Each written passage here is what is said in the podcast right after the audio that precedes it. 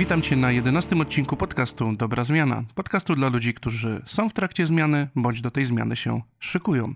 Dla klarowności, bo dostaję bardzo dużo korespondencji z tego typu pytaniami, dobra zmiana wywodzi się z japońskiego słowa kaizen, dobra zmiana małymi krokami. Dzisiejszy temat to motywacja. Jestem bardzo zadowolony z tego podcastu, ponieważ udało nam się wymienić przynajmniej 20 różnych technik tego, jak motywować się, jak unikać demotywatorów, czym dokładnie ta motywacja jest, jak znaleźć wewnętrzną motywację, jak szukać jej przy użyciu różnych technik terapeutycznych, psychologicznych, jak ją rozumieć, jak ją utrzymywać, skąd się ona wywodzi. Wymieniam 14 dobrych nawyków motywacji i razem z Ryszardem w tym dwójpółgodzinnym podcaście upakowaliśmy wiedzę, więc pomimo tego, że nasz dzisiejszy podcast jest długi, jest niezwykle merytoryczny. No, pomijając może dwa strasznie suche dowcipy na początku. Mam nadzieję, że będzie Ci się tego podcastu słuchało równie dobrze, jak nam prowadziło. Dziękujemy wszystkim, którzy wspierają nas na Patronite. Na Patronite jesteśmy jako nieprzeciętna idea, na którym zbieramy środki, żeby ten podcast był jeszcze lepszy. Nie przedłużając, zapraszam Cię do odcinka. Miłego słuchania.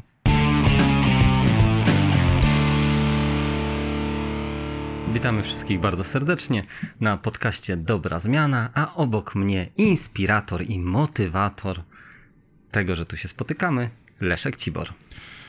A ze mną Ryszard Kosowicz, naczelny demotywator. Bo jak powiedzieć motywator, no to musi być jakiś demotywator. Ty, ty dzisiaj nas chyba zmotywujesz na początek. Dawaj. Ja zmotywuję? Nie, ja ci mogę opowiedzieć dowcip. Dawaj. Chcesz dowcip usłyszeć? Okej, okay. skazali gościa na śmierć.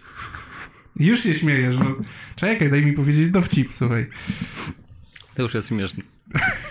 Skazali gościa na śmierć. Jednak był tak gruby, że nie mieścił się na krześle elektrycznym.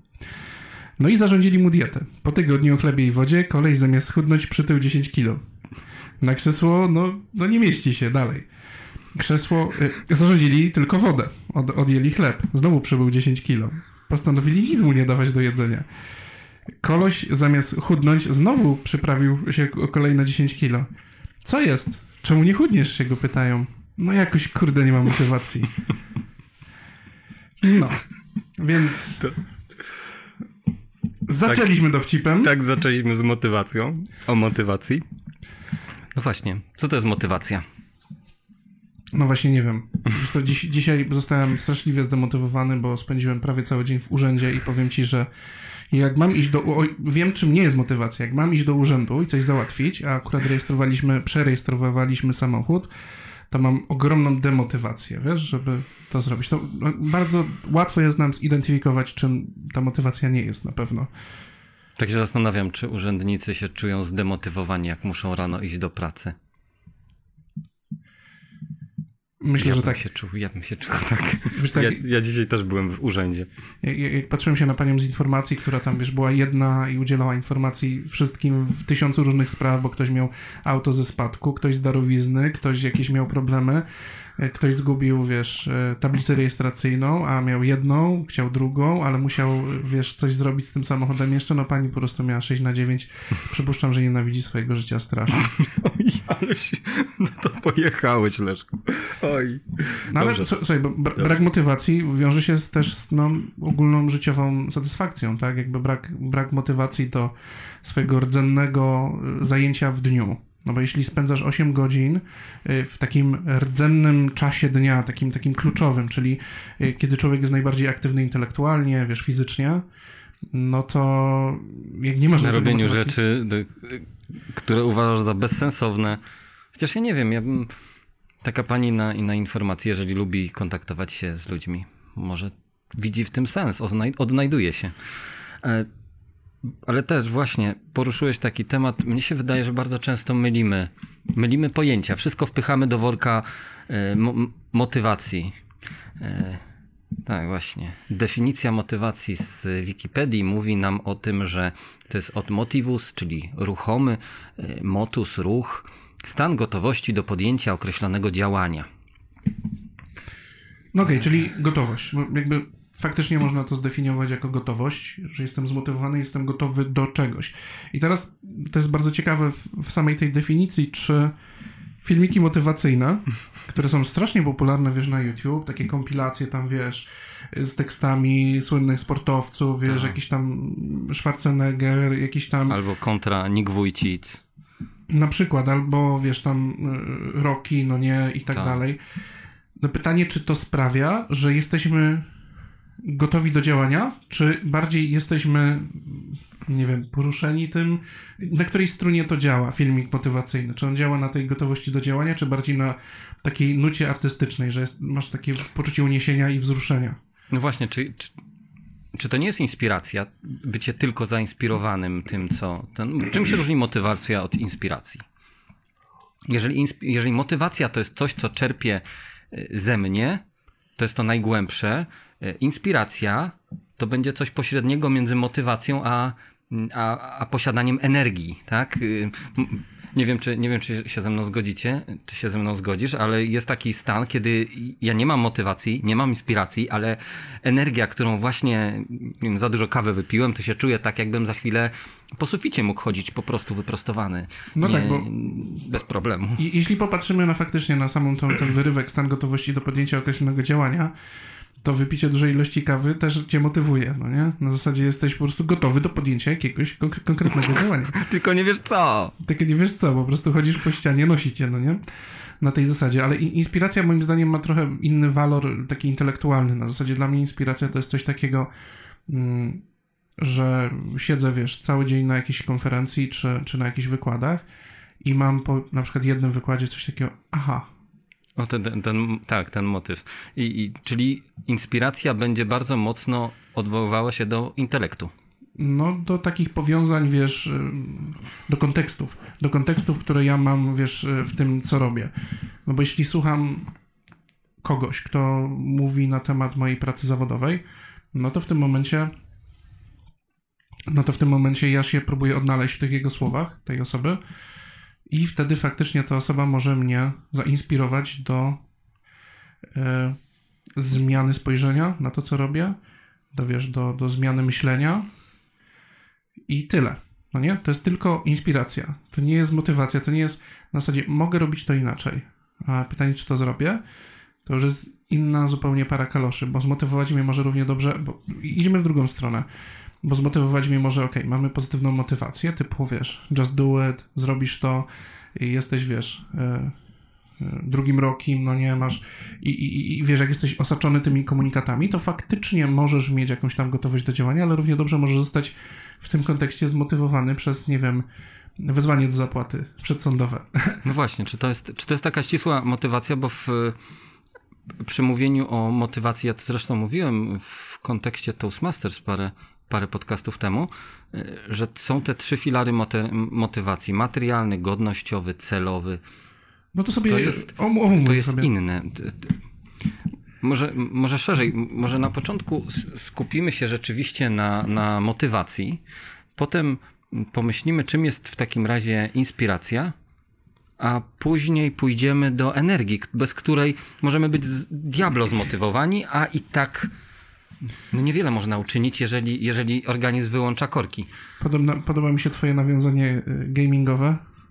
Bycie Diablo zmotywowanym. Ale nie trójka, dwójka. Nie trójka, dwójka. Nie rozróżniam, wybacz, nie rozróżniam. Ale przypomniał mi się kawał, mogę? No dawaj. Bo widziałem, widziałem ostatnio w internetach oczywiście. Y, przychodzi y, mrówka do, do psychoterapeuty i, i, i mrówczego i mówi właśnie, że, że, że traci motywację, że, że w ogóle nie może, nie może się spełnić, nie, nie czuje tego już, już tego noszenia, noszenia do mrowiska, tych larw, tych, tych, tych upolowanych stworzeń. W ogóle nie czuje. Hmm, a kim byś chciał być? No, ja to najbardziej chciałbym być mrówcą motywacyjnym.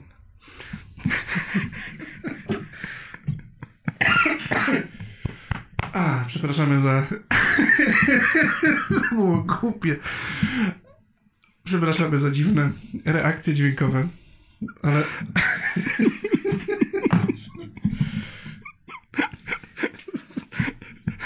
za mocno.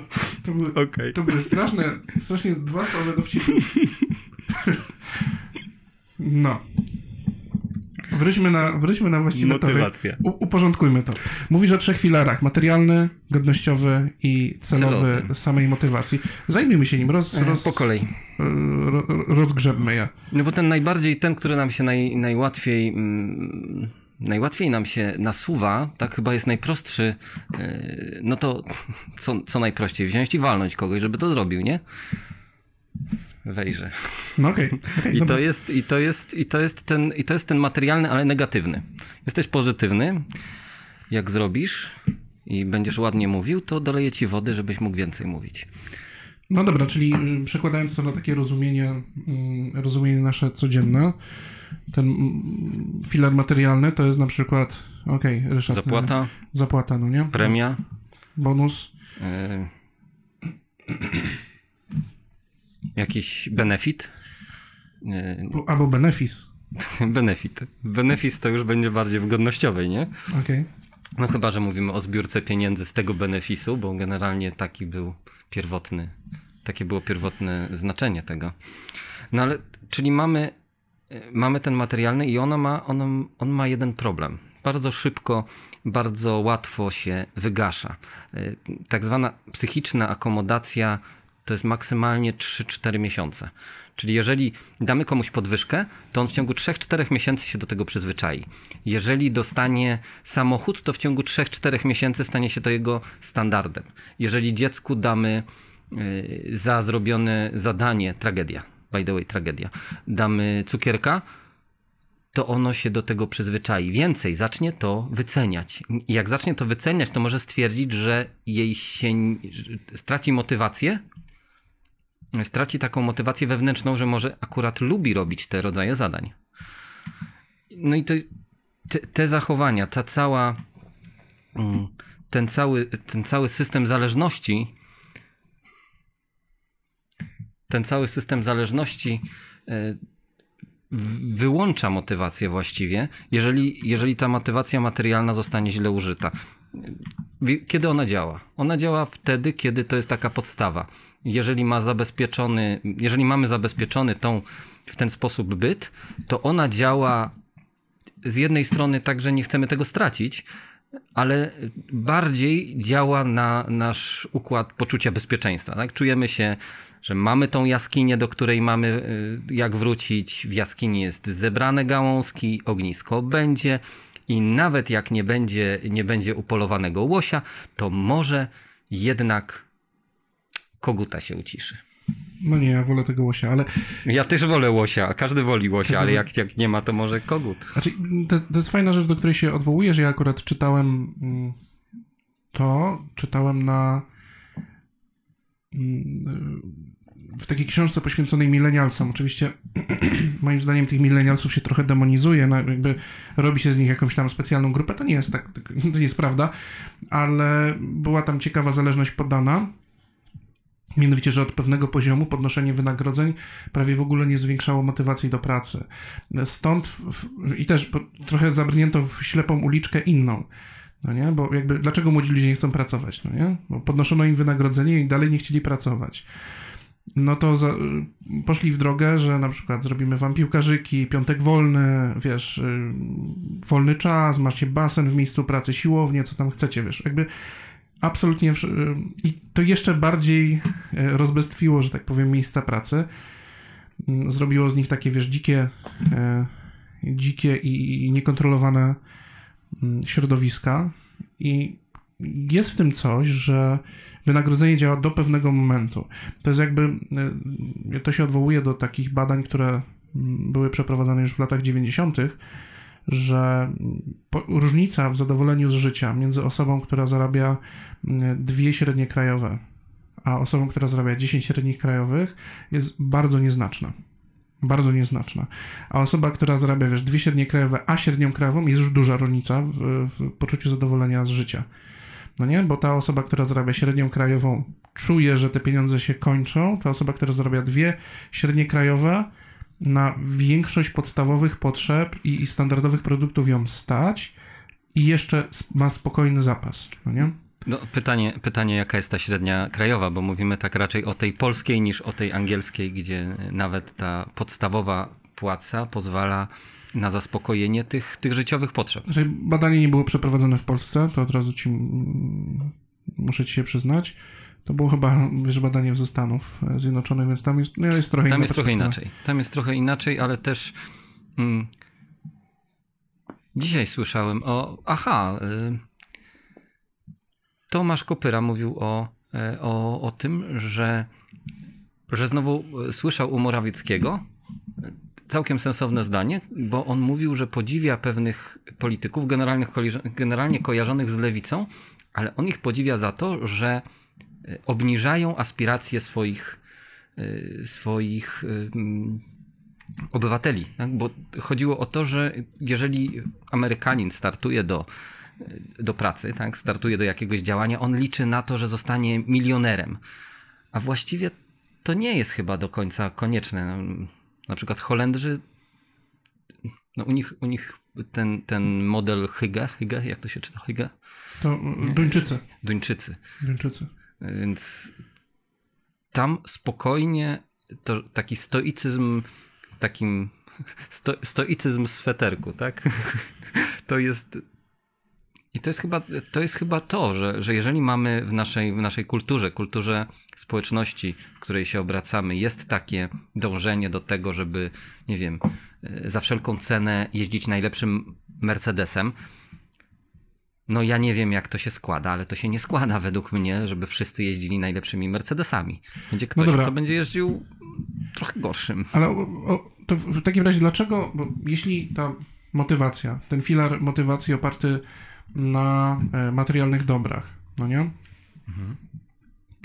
Jest tak nietrwały, to dlaczego na przykład firmy e, typu tam MLM, czy wiesz, jakieś duże mm, duże firmy hmm, Słowo... Ale nie, skupmy się na MLM-ach, bo tam jest bardzo ciekawe i myślę, że to jest odwołanie do tego, co ja powiedziałem przed chwilą.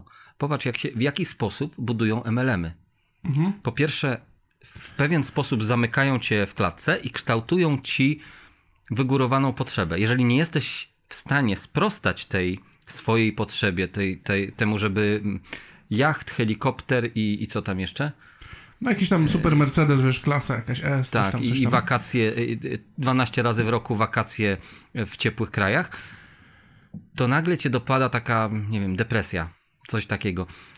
Nie wszystkie tak działają, ale, ale spotkałem kilka, które, które bazują na tym, czyli budują ci środowisko, które pchnie, pcha cię bardzo mocno w aspiracjach do góry. Te aspiracje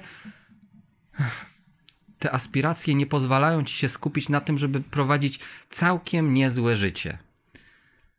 Okej, okay do czego zmierzałem? Chodziło mi bardziej, y, czyli też w tym, w tym aspekcie o to, że raz MLM-y opierają bardzo często swoją narrację rekrutacyjną właśnie na y, wizji jakiegoś takiego, wiesz, materialnego sukcesu, ale y, chciałem ci powiedzieć historię, bo to jest, to jest dość ciekawe, w jaki sposób właśnie materialny w takiej bardzo handlowej, silnie handlowej firmie byłem motywowany do sprzedawania. Miałem taki okres w swoim życiu, że akurat zakończyłem swoją pierwszą działalność, byłem w takim sporym dołku, no i zdarzyło się na wakacjach, że e, skręciłem nogę. No i miałem ją w gipsie.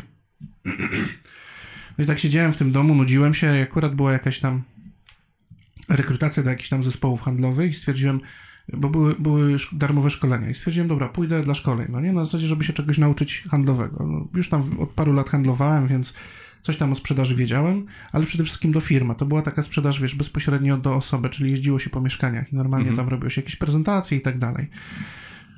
No i pojechałem tam z tym gipsem, no nie? Chodziłem na te, na te najpierw szkolenia e, i pierwsza rozmowa w ogóle, taka e, wstępna, babka przyszła i powiem ci, e, może nie tyle mega mnie to zaskoczyło, bo powiedzmy gdzieś tam już nie byłem mega zielony, wiesz, w, jakby w świecie w świecie pracy, czy, czy powiedzmy jakichś narracji zawodowych, ale po prostu to było poniekąd groteskowe, głupie i moim zdaniem niepotrzebne. Zaczęła narrację od tego, Panie Leszku, czy widziałby pan siebie na jachcie? No nie?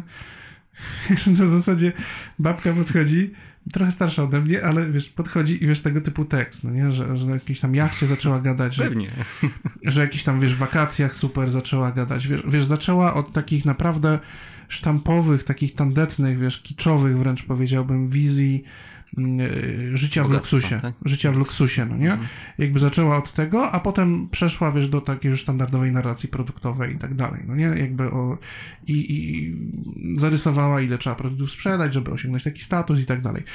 Ale powiem ci, że ta narracja była mega głupia i mega naiwna i moim zdaniem w ogóle... Osoby, które łapią się na taką narrację i tylko z powodu tej narracji jakby wchodzą i czują taki imperatyw bardzo głęboki finansowy, czy powiedzmy luksusowe, same są sobie winne późniejszego wypalenia i y, rozczarowania. Bo w większości przypadków to się kończy wypaleniem i rozczarowaniem, bo ta motywacja się kończy, tak jak mówisz, 3-4 miesiące i jest po prostu kryzys. Ja się no przyzwyczajam do tego. No. Ale jak ją osiągniesz, tak, to e, taka, takie budowanie aspiracji. Hmm. No trzeba mieć, trzeba mieć większe dlaczego niż, niż tylko takie wyobrażanie sobie siebie w, w jachcie. No okej, a drugi, drugi poziom, bo mówimy tak, mówimy o motywacji, o filarze motywacji materialnym. Drugi, tak Drugi? jak powiedziałeś, godnościowa. Godnościowa. Mhm. Y, Ona jest. y, dość szybko się wygasza. N- Nie znam tutaj badań, no ale każdy z nas doświadczył takich y, motywacji z klasków, głasków i, i, i laurek. One są bardzo przyjemne. Dobrze ci idzie, Ryszard, na podcaście. Jesteś naprawdę, masz świetny głos, wiesz, do podcastu. Ja to wiem.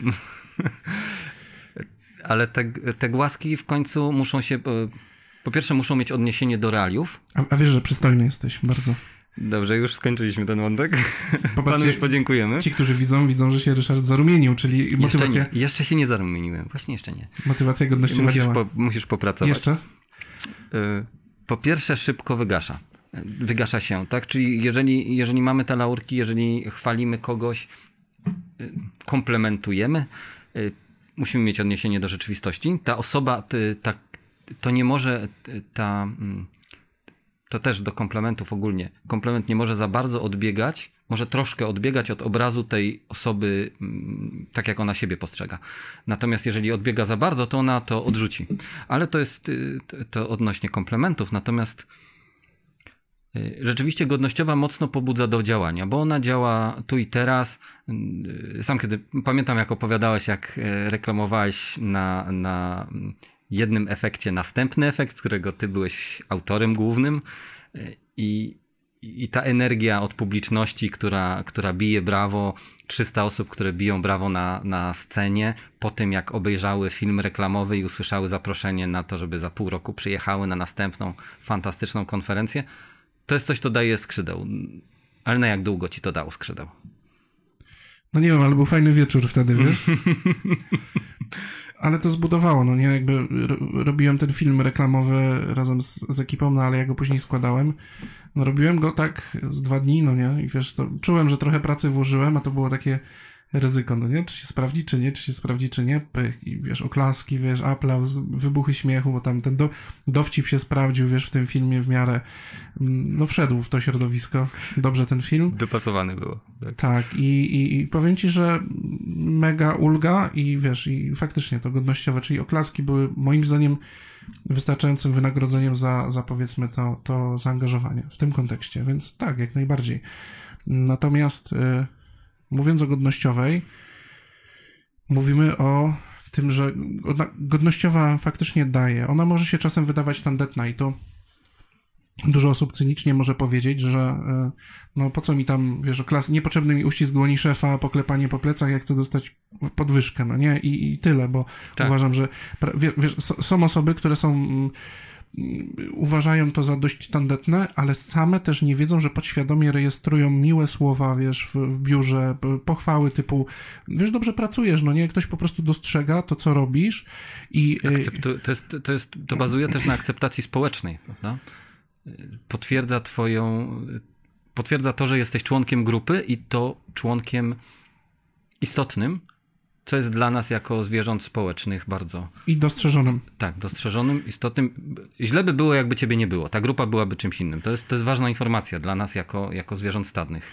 I teraz y, informacja też dla wszystkich, którzy słuchają, bo mm, jak w ogóle każdy z nas, bo nie każdy z nas ma, wiesz, y, pieniądze do tego, żeby każdego tam motywować, dawać prezenty, wiesz, w pracy, przynosić ciasto co, co tydzień do pracy i tak dalej. No nie każdy jest w takiej sytuacji, ale wiesz, nawet na poziomie pracownik do pracownika, czyli jesteśmy na równym szczeblu, pracujemy w jednym biurze, wiesz, możemy przynosić ciasto, możemy przynosić, wiesz, jakieś dobre rzeczy i, i jest już jakiś tam, jest materialny bodziec, ale y, możemy dużo zdziałać na tym poziomie, właśnie tworząc przyjazne środowisko pracy, właśnie motywując się godnościowo, czyli y, nie, nie w sztuczny sposób, ale faktycznie zauważając dobrą pracę, do, doceniając tą dobrą pracę. I to, powiem Ci, jest mega super to widać, jak popatrzymy się na kontrastową sytuację, czyli na brak godności w miejscu pracy, czyli miejsce pracy, w którym... Które cię upokarza. W którym, yy, wiesz, pochwałą jest brak opierdolu. I to jest ku, kupa miejsc pracy właśnie tak funkcjonuje, że pochwałą w miejscu pracy jest brak opierdolu. Jak jest cisza, to jest super praca wykonana. No nie, jest brak, brak pozytywnego feedbacku od przełożonych. I teraz, żeby odczarować to, można czekać, aż się zmieni dyrektor, czy jakiś kierownik i tak dalej, jakaś roszada tam zajdzie u góry, ale można też próbować tworzyć Oczywiście ryba się psuje od głowy, więc to jest cięższe, ale próbować oddolnie tworzyć dobrą, pozytywną atmosferę wsparcia. Że wiesz, na dole się buduje zespół na, na równym poziomie, w biurze, czy w magazynie, czy w jakichkolwiek innych komórkach większej organizacji, buduje się po prostu pozytywną atmosferę, słuchaj, dobrą, wiesz, bo każdy przesiąka brakiem, tak. brakiem opierdzielu i opierdzielem, nie? Ktoś dostał opierdziel i po prostu, wiesz, wyładowuje swoją frustrację a nawet jak nie, to, to on ściąga energię, tak? Bo jest, bo jest przytłoczony, widać to. I ściąga energię z, z, z, tej społeczności, która go otacza. No bo wszyscy mówią, wow, no, no nie będę się śmiał, bo on właśnie dostał piernicz, nie? Mogę się z niego pośmiać, ale to też jest takie Albo nie, wiesz, nie, albo wszyscy, widzą, wszyscy widzą, wiesz, jawną niesprawiedliwość, czy tam na zasadzie... No to wtedy to już jest, to już jest Albo Ale do, może o negatywnym, do negatywnych, do negatywnych wrócimy i myślę, że wtedy moglibyśmy też popatrzeć na te trzy w sumie. Y, bo no. taka naj... Y, bo godnościowa, poza tym godnościowa, ja sobie wypisałem, że jest jeszcze bardzo łatwo ją udzielić i bardzo łatwo się nią dzielić. Bo, bo, bo jak ja dostaję nagrodę, mogę powiedzieć super, że, że zauważyłeś mój wkład, ale ja mam tutaj kolegę, który mnie naprawdę wspiera. I ja doceniam to, że, że mam takie wsparcie tutaj w podcaście. No, powiedzmy sobie szczerze, ja bez Leszka to nędzny worek. Więc jesteśmy na etapie, w którym Ryszard nazwał siebie workiem w podcaście, więc myślę, że to jest moment, w którym możesz troszeczkę dolać, do... dolać, wody i powiedzieć co nieco o motywacji, motywacji celowej, celowej, nie komentując twojej, twojego bytu jako worka.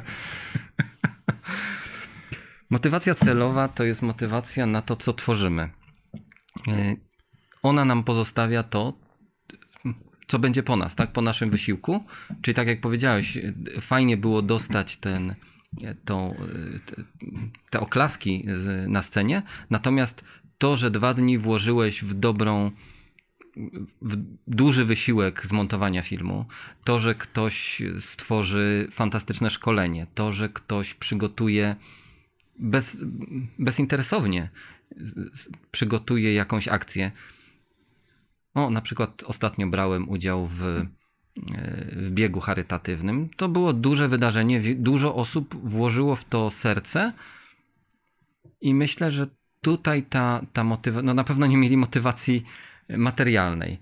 Natomiast ta motywacja celowa była najważniejsza, bo owszem, potem mogli dostać e, podziękowania, mogli dostać jakieś y, dyplomy, nie wiem co tam jeszcze. Natomiast to, że się udało zebrać pieniądze, to jest chyba to. No tak, bo jakby od razu mi się ta motywacja celowa kojarzy z marzeniami.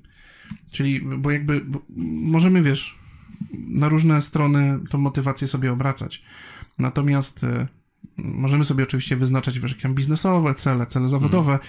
No ale nie zapominajmy o tym takim trochę miękkim, nieuchwytnym sformułowaniu, jakim są marzenia. Bo mhm. tymi marzeniami się posługujemy, że każdy ma jakieś tam marzenia niesprecyzowane, oczywiście później można sobie te marzenia rozpisywać, robić krótsze cele, mniejsze, bardziej realne, praktyczne, wiesz, rozbijać Tak. te, te marzenia, ale nadal, i jeśli mówimy o marzeniach, to mówimy o jakichś tam e, szeroko, daleko zarysowanych celach, bardzo fajnych one same w siebie, one same z siebie mogą stanowić dla nas motywację, typu marzy mi się na przykład marzy mi się na przykład domek domek z ogródkiem, ale precy- precyzyjnie mi osobiście marzy się, wiesz, ogródek, w którym robię sobie skalniak. Mam, mam taką wewnętrzną potrzebę w tym wieku, w którym jestem, być może mi przejdzie za parę lat, albo jak zacznę ten skalniak układać właśnie, 50-kilowe głazy. Dokładnie, że, żeby, żeby ułożyć, zaprojektować taki skalniaczek, bo mam takie, wiesz, skojarzenie z mojej młodości, kiedy jeździłem z moimi rodzicami do bardzo pięknej miejscowości, do Połczyna Zdroju, y, do, do wiesz, na, do sanatoriów, na tam jakiś wypoczynek, jakieś tam y, zabiegi i tam naprawdę był piękny park właśnie z takimi skalniaczkami i mam taką, wiesz, jakieś takie y, wewnętrzną wizję i takie połączenie, że okej, za 10 lat będę sobie układał taki piękny skalniaczek z takim pięknym dywanem z kwiatów i wiesz, jakaś taka romantyczna wiz wizja, jakieś marzenie, no nie? I ono nie jest jakieś tam nierealne, wiesz, jakieś nie, niestworzone, no ale wiesz, to jest faktycznie cel sam w sobie, który mnie motywuje do tego, żeby, wiesz, już tam rozglądam się za działkami, wiesz, zaczynam zerkać, zaczynam patrzeć się, okej, czy mi starczy na to pieniędzy, kiedy będę Mhm. mnie, mnie na to stać i tak dalej. Czyli jakby powolutku, małymi krokami sobie to zarysowuję i nie zapominam o tym. No, ja, ja myślę, że tutaj chwyciłbym cię za słowo, powiedziałeś małymi kroczkami i nie zapominam. Dlatego, że motywacja celowa nie jest, nie jest tak łatwa do wygaszenia, jeżeli widzimy postęp, jeżeli rozpisaliśmy to sobie, jeżeli w głowie mamy jakiś scenariusz dojścia do tego celu, przyjmijmy, że to jest cel jakiś osobisty, to, to wtedy możemy, mm, możemy utrzymać tą motywację na mniej więcej równym poziomie bardzo długo. Możemy budować e, powoli, ale jeżeli nastawimy się na powolne budowanie właśnie y, i, i, jest, ten, jest ten progres, to wtedy ta motywacja działa cały czas. I jest jeszcze jeden element.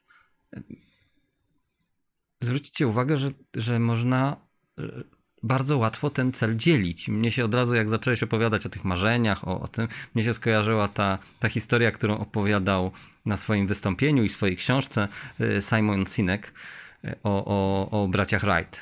Tak? On, oni byli zarażeni ideą lotu, zarażeni ideą stworzenia czegoś, co, co jest cięższe od powietrza, a leci. I, i wokół tego zebrali, zebrali fascynatów. Mi się, mi się wydaje, że to jest ta, romantyczna wersja tej historii, a tak naprawdę mieli okropne żony i spędzali kupę czasu, wiesz, w garażu po prostu na, projek- na jakimś dziwnym projekcie, który sobie wymyślili i stwierdzili startup, no nie, Nie, nie niedawno, startup. niedawno, niedawno rozmawiałem z takim, z takim gościem, który opowiadał o takim innym, który montował gitary w garażu. Tak? Coś takiego było, nie? Było coś takiego. Ale y, wiesz co, to, to co Ryszard, jakie mamy te motywacje jeszcze raz, te trzy filary tej, tej motywacji? Pierwsza jest materialna. Bardzo szybko y, dostosowujemy się do niej i, i nie za bardzo jest budująca. Druga to jest godnościowa, bardzo łatwo wygasza, ale y, ponieważ współtworzy nasze, y, określa nas jako członków pewnej grupy, zespołu, jest dla nas bardzo istotna. I trzecia jest celowa, która może zjednoczyć i może, może tworzyć zespoły, wokół niej się skupiają zespoły i, i, i bardzo długo trwa. To jest takie nasze wewnętrzne e, dlaczego. I te trzy motywacje mają też oczywiście mm, swoją, e, swoje ciemne odbicie. Tak, możemy, mm, jeżeli mówimy o motywacji materialnej, no to mamy e, takie nagrody jak właśnie jak marchewka i możemy zrobić kij do tego. Tak? Słynny marchewki profesora Blicklego, czyli twierdzenie, że z każdego kija da się zrobić nagrodę i z każdej nagrody da się zrobić kija. Czyli odbiorę ci premię. Karę. Tak, Od- odbiorę ci premię albo, y, albo nie zabiorę, albo ci czegoś nie zabiorę. Tak nie, oprze, nie opieprzę cię o to, to, co powiedziałeś o tym środowisku. E, tak? Czy- Czyli no można też kogoś upokorzyć, tak? To jeżeli chodzi o motywację godnościową. Można kogoś upokorzyć pu- publicznie, Czyli publicznie opierniczać, no nie? albo pierniczać, albo, albo ukazywać, że się tej osoby nie szanuje. Czy jak to się mówi, negatywny feedback dawać. Z- Zrobić mu coś takiego, żeby już mu się nie chciało.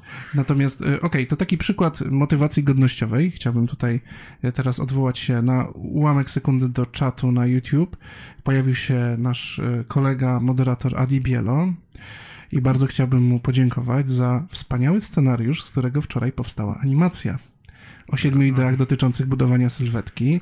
Scenariusz był tak dobrze napisany, tak sprawnie, że po prostu jak tylko animator Dawid, Dawid go dostał, to stwierdził, dobra, robię tam, wiesz, ciach, ciach, szybciutko poszło i od razu, od razu wrzuciliśmy to na kanał. Rewelacyjny scenariusz, dzięki. Gratulacje. Gratulacje. I to jest, to jest moim zdaniem motywacja godnościowa. Piękna. Do, do garnka jej nie włożysz, śniadania z niej nie zjesz, ale możecie, możecie teraz e, podziękować naszemu e, współczatującemu e, w, no, w, te, w tej właśnie chwili, na żywo.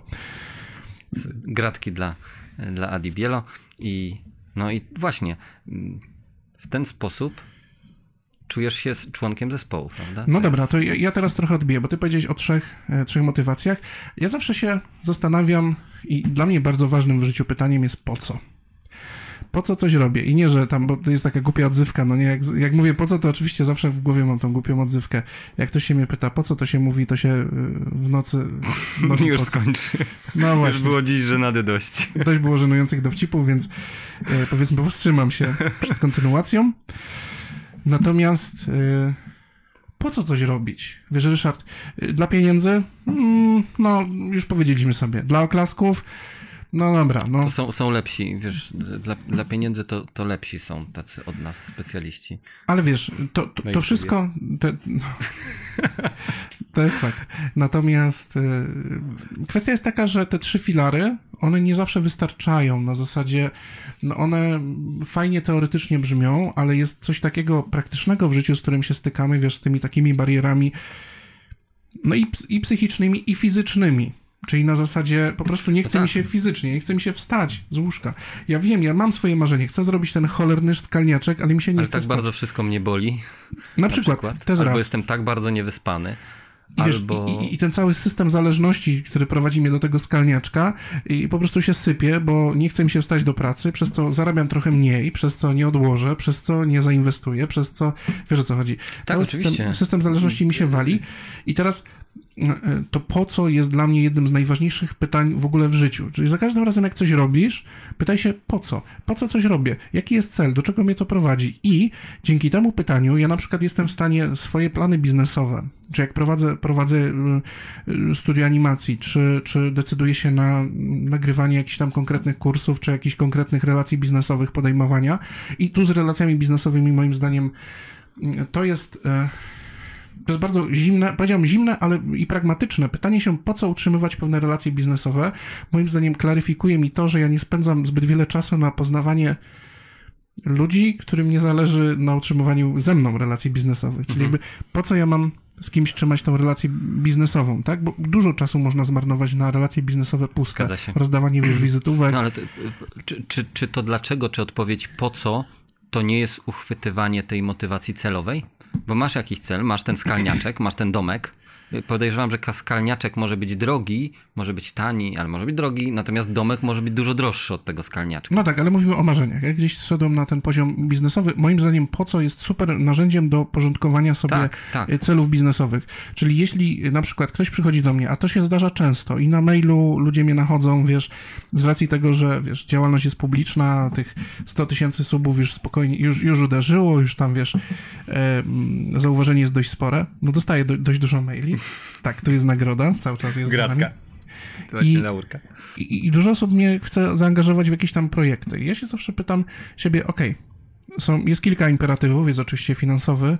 No jeśli ktoś chce po prostu mi płacić za, za pracę konkretną, no to, to, to jakby siłą rzeczy, no to jest przedmiot działalności. Natomiast, No ale Y- też nie, nie, nie na wszystko byś się zgodził, nawet jeżeli ktoś by ci płacił. no wiesz, nie chcę, nie chcę tutaj podawać, e, e, podawać e, konkretnych personaliów, ale z drugiej strony e, chciałbym chciałbym, żeby ten przykład nie był taki pusty i niekonkretny. Na przykład napisał do mnie człowiek z świetnym pomysłem robienia filmów. On robi takie rymowanki dla dzieci. o w ogóle przepisy kucharskie rymowane. Rewelacja, no nie? I podesłał parę przepisów kucharskich rymowanych. Gdzieś tam próbował mnie nakłonić do tego, że może fajnie by było z tym robić jakiś kanał, wiesz, jakieś animacje.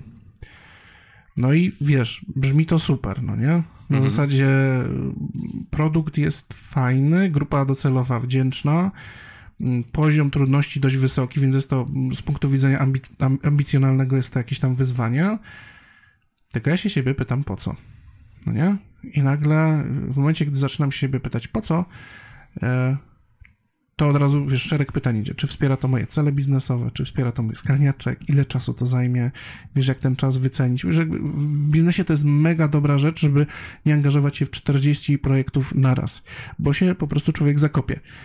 E, Natomiast to po co jest tą, mm, jest tym, e, tym pytaniem, które stoi obok dlaczego.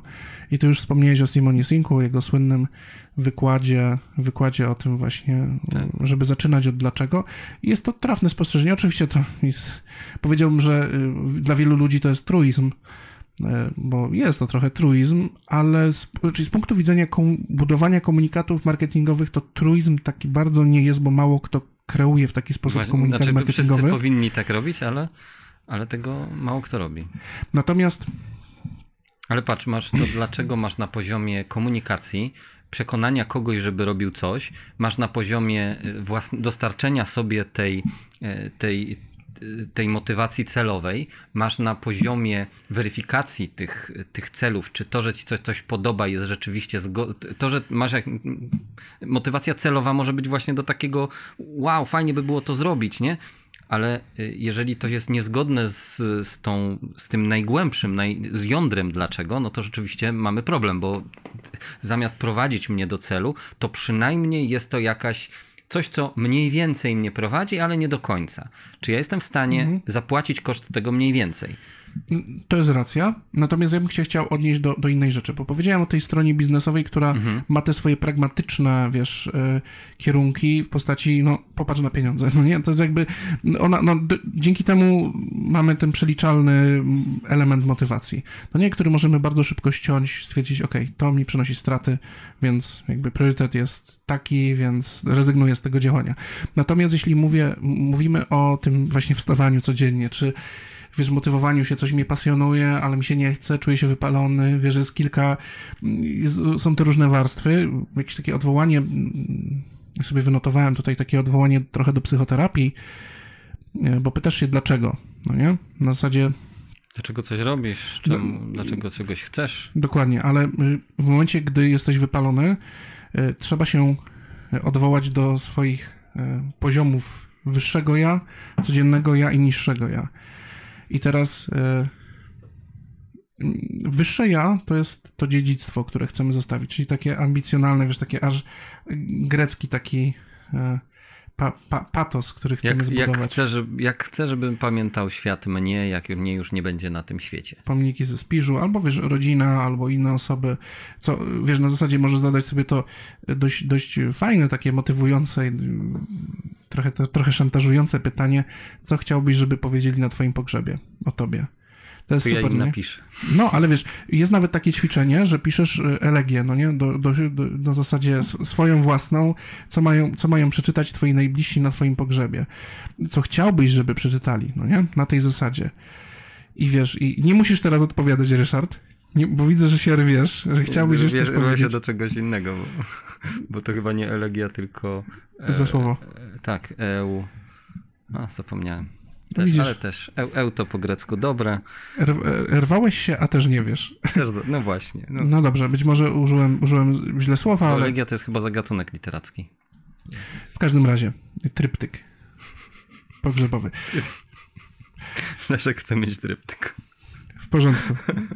W każdym razie, wiesz, jest nawet takie ćwiczenie, że, że piszesz i co chciałbyś, żeby ktoś odczytał na twoim pogrzebie, jakie było twoje życie.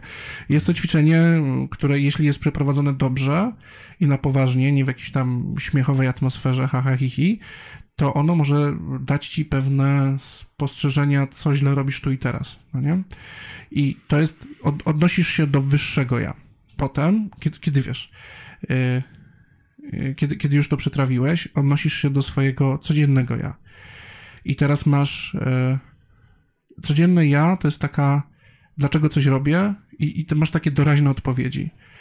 I teraz, i to jest bardzo ciekawy wątek, bo masz dwa modele, ja do jednego jeszcze wrócę, masz dwie ścieżki, które możesz objąć, tą pozytywną i negatywną, czyli motywowanie się od czegoś, uciekanie Tak, od czegoś i motywacja od tego, do. żebym nie umarł z głodu. Tak, dokładnie, czyli motywacja do czegoś i motywacja od czegoś. Motywacja do czegoś, żeby mieć dobry dochód, dobry samochód, żeby rodzina była szczęśliwa, żeby zapewnić dziecku, wiesz, jakiś tam dobrobyt, no nie, i tak dalej. się bezpiecznie tak dalej. Doraźna. I mówimy o ogólnikach, ale mówimy też o szczegółach, czyli bo chcę awans, bo chcę zmienić pracę, bo chcę, wiesz, y, takie małe, proste rzeczy. Mhm. Codzienne i ta motywacja od czegoś. Nie chcę stracić domu, nie chcę, wiesz, y, nie chcę, żeby mi się stała krzywda, wiesz, i tak dalej. No nie, to jakby, to jest myślę w miarę, w miarę zrozumiałe. I teraz mamy jeszcze to dlaczego odnoszące się do niższego ja. I teraz. e, Mało kto się do tego przyznaje, tak? I Kto teraz się przyzna? to jest to, co chciałbym gdzieś tam poeksplorować. To też dotyczy takiego wkurzenia życiowego, ale to jest takie egoistyczne, że chcemy na przykład komuś coś udowodnić. Że ja, ja wam pokażę, skurczybyki. No nie wy się ze mnie śmialiście całe życie, ale ja wam pokażę. Są ja wam osoby, przy- które mają bardzo mocne to, tą, tą motywację. Tak? Tak, na przykład dorosłe dzieci alkoholików. Typowy syndrom DDA to jest właśnie y, takie egoistyczne motywowanie się, bo mm, ta relacja jest taka trochę odwetowa. Ja chcę pokazać moim rodzicom, którzy traktowali mnie jak gówno przez całe życie, że jestem wart więcej i bardzo często jest tak, że osoby z syndromem DDA y, bardzo ambicjonalnie podchodzą do życia i czasem mega na tym się wkopują. Jeszcze tak? Większe jeszcze długi wpadają w alkoholizm, tak samo jak swoi rodzice, w ogóle wiesz, masakra, no nie jest jakby kontynuują tą ścieżkę, tylko wpadają w jeszcze głębszą mm, studnia, albo im wychodzi. Na zasadzie faktycznie znajdują jakiś taki, wiesz, dzięki tej mega sile, ta mega siła odwetu, chęć pokazania innym, wiesz, wynikająca z tego głębokiego wpienienia po prostu na tą, na tą rzeczywistość. Ale oczywiście DDA to jest jakiś tam bardzo specyficzny przykład. Ale są, y, znajdują się ludzie, DDA, nie DDA, którzy działają na takim wielkim w, w nerwie. Czad nam pomaga, epitafium. Przecież. Epitafium, Epitafium. No, tak, epitafium. dokładnie. Dobrze. Piękny utwór King Crimson, swoją drogą. E, W każdym razie, czyli możemy spokojnie, szukając tego dlaczego, bo możemy oczywiście być na poziomie Simona Sinka i posługiwać się truizmami, i w biznesie y, samo dlaczego i po co coś robimy pomaga, bo biznes jest zdefiniowany wokół pieniądza i, i on, on y, zadawanie prostych pytań poma- y, klaryfikuje całą ścieżkę, ale w momencie, gdy wchodzimy w taki personalny bałagan, który mamy w sobie, to dobrze jest się w taki, zasięgnąć trochę do psychoterapii i odnieść się do wyższego ja, czyli pisać to epitafium swoje pogrzebowe, tak, czyli co chcesz, żeby po twojej śmierci o tobie mówili, pamiętali, jak chcesz być wspominany, jak chcesz, żeby o tobie mówili, wiesz, y, jak chcesz widzieć swoje dzieło, które rośnie i kiedy ty Tak, odejdziesz... szkoda, że, szkoda, szkoda, że jego z nami już nie ma, ale patrzcie, jaki wielki, jakie bezpieczeństwo nam zapewnił, jakie... No, co zostawisz swoim dzieciom? Wiesz, niekoniecznie to musi być po twojej śmierci, nawet na emeryturę przejdziesz, przekażesz dalej coś, co działa, Firma, która Dokładnie. I to jest jakby pierwsze, dlaczego od, do wyższego, do codziennego ja, czyli motywacja od i od czegoś, czyli nie chcę, żeby mi się stała krzywda, nie chcę, żeby mi coś zabrali i do czegoś, czyli takie doraźne potrzeby, lepszy zarobek, awans, mm, wiesz, założyć rodzinę i tak dalej. Ten zestaw pytań dlaczego. I trzecie dlaczego do niższego ja, czyli mega egoistyczne pobudki, chcę wam pokazać skurczybyki, po prostu na co mnie stać, udowodnię wam, wiesz, będę walił. To jest też charakterystyka ludzi o, o, o bo powiedziałem o DDA, ale to też jest charakterystyka ludzi o mm, takich cechach psychopaty, psychopatycznych. Czyli cechach skrajnych, cechach ludzi, którzy, wiesz, mega potrafią wchodzić w konfrontację, są mega nastawieni konfrontacyjnie, nie odpuszczają, wiesz, po trupach do celu, wiesz, mają ni- niższy poziom empatii niż, e, niż duża część populacji. No i przede wszystkim to jest ta motywacja właśnie wynikająca z e, wściekłości na otaczającą y, ciebie rzeczywistość, no nie? I to moim zdaniem właśnie to też jest często pułapka, w którą się wpada, bo często taka motywacja jest strasznie silna, robi się coś pod wpływem takiego mega impulsu, ale nie mając doświadczenia można się po prostu mega wysypać bardzo mocno na tym, bo się dzięki tej motywacji można naprawdę mocno wyskoczyć. No bo... tak, tak byś miał rakietę, no nie? I wiesz, masz dzięki tej motywacji masz pełne, pełną paliwa, ale wiesz, ta iskra jest mocna. Tutaj jest też energia taka psychiczna, która bazuje mm, Pewnie no na pewno wrócimy jeszcze do energii, ale zwróć uwagę, że, że to, co mówisz o tym wyłączaniu, wyłączaniu pewnych bezpieczników, to jest wyłączanie takich poziomów energetycznych, których normalnie y, nasz umysł nie odblokowuje, bo zawsze, zawsze patrzy na to, że może być gorzej, tak? że, że będzie za chwilę jakieś. Właśnie, przelicytujemy, e, stanie się tragedia jakaś i będziemy musieli znaleźć w sobie siły, żeby sobie z tym poradzić. Bo przy tragedii tylko raz, no, nasz umysł gra w, razem zresztą z całym, z całym mózgiem gra w grę, która nazywa się przeżyć, a umrzeć można tylko raz, tak? Jak, przy, jak umrę, coś przelicytuję i w związku z tym umrę, to, to jest to totalnie nieodwracalne. Więc tak, jest to, jest to niezmiernie istotne, żeby, żeby się orientować, czy ja nie przelicytowuję. I równocześnie tutaj ta nasza intuicja, która, która też wyraża się właśnie przez, przed te blokady, że ja nie mam dzisiaj ochoty, tak, nie mam dzisiaj ochoty sobie wstać. Ale też mm, to jest jedno, jak można, no bo mm, tak, budujemy, y, wstaję rano, znaczy budzę się rano i czuję, że jest źle, że nie mogę. E, ale jednak wstaję, bo idę do pracy, bo, bo mi szef kazał, ale czasami e, wstaję i idę, idę do pracy, bo taki jest zwyczaj, tak? Ja, ja mam taki nawyk, że idę do pracy, bo bo się, idzie bo, do pracy. Do, bo się idzie do pracy, bo wszyscy w moim biurze chodzą do pracy. Czyli w moim otoczeniu powstała kultura, która wspiera mnie e, w motywowaniu się. Wokół takiej motywacji, właściwie chyba wokół e, każdego z tych trzech rodzajów motywacji można zbudować e, kulturę. Najsłabsza według mnie, najsłabsza jest, jest kultura, którą się buduje na motywacji materialnej. Najlepsza jest taka, która, którą się buduje kultura w organizacjach no, legendarna jest kultura jakości, kultura szacunku do pracy w Toyocie, tak? Że y, i, i ta historia mi się przypomniała o tym, jak to, jak to Amerykanie przyjechali do, y, do, do Japonii, oglądają ten, tą taśmę produkcyjną Toyoty i mówią: No dobrze, wszystko super, ekstra, fajnie, tylko mamy dwa pytania. Po co jest ten czerwony guzik i gdzie jest facet z młotkiem? No, ten czerwony guzik to jest po to, żeby zatrzymać linię produkcyjną. A nie rozumiemy, co to, po co ma być facet z młotkiem. No bo wiecie, no zawsze jakoś nie pasują te części i jak się montuje drzwi, to trzeba postawić kogoś, to przy, przy i wtedy one będą pasować.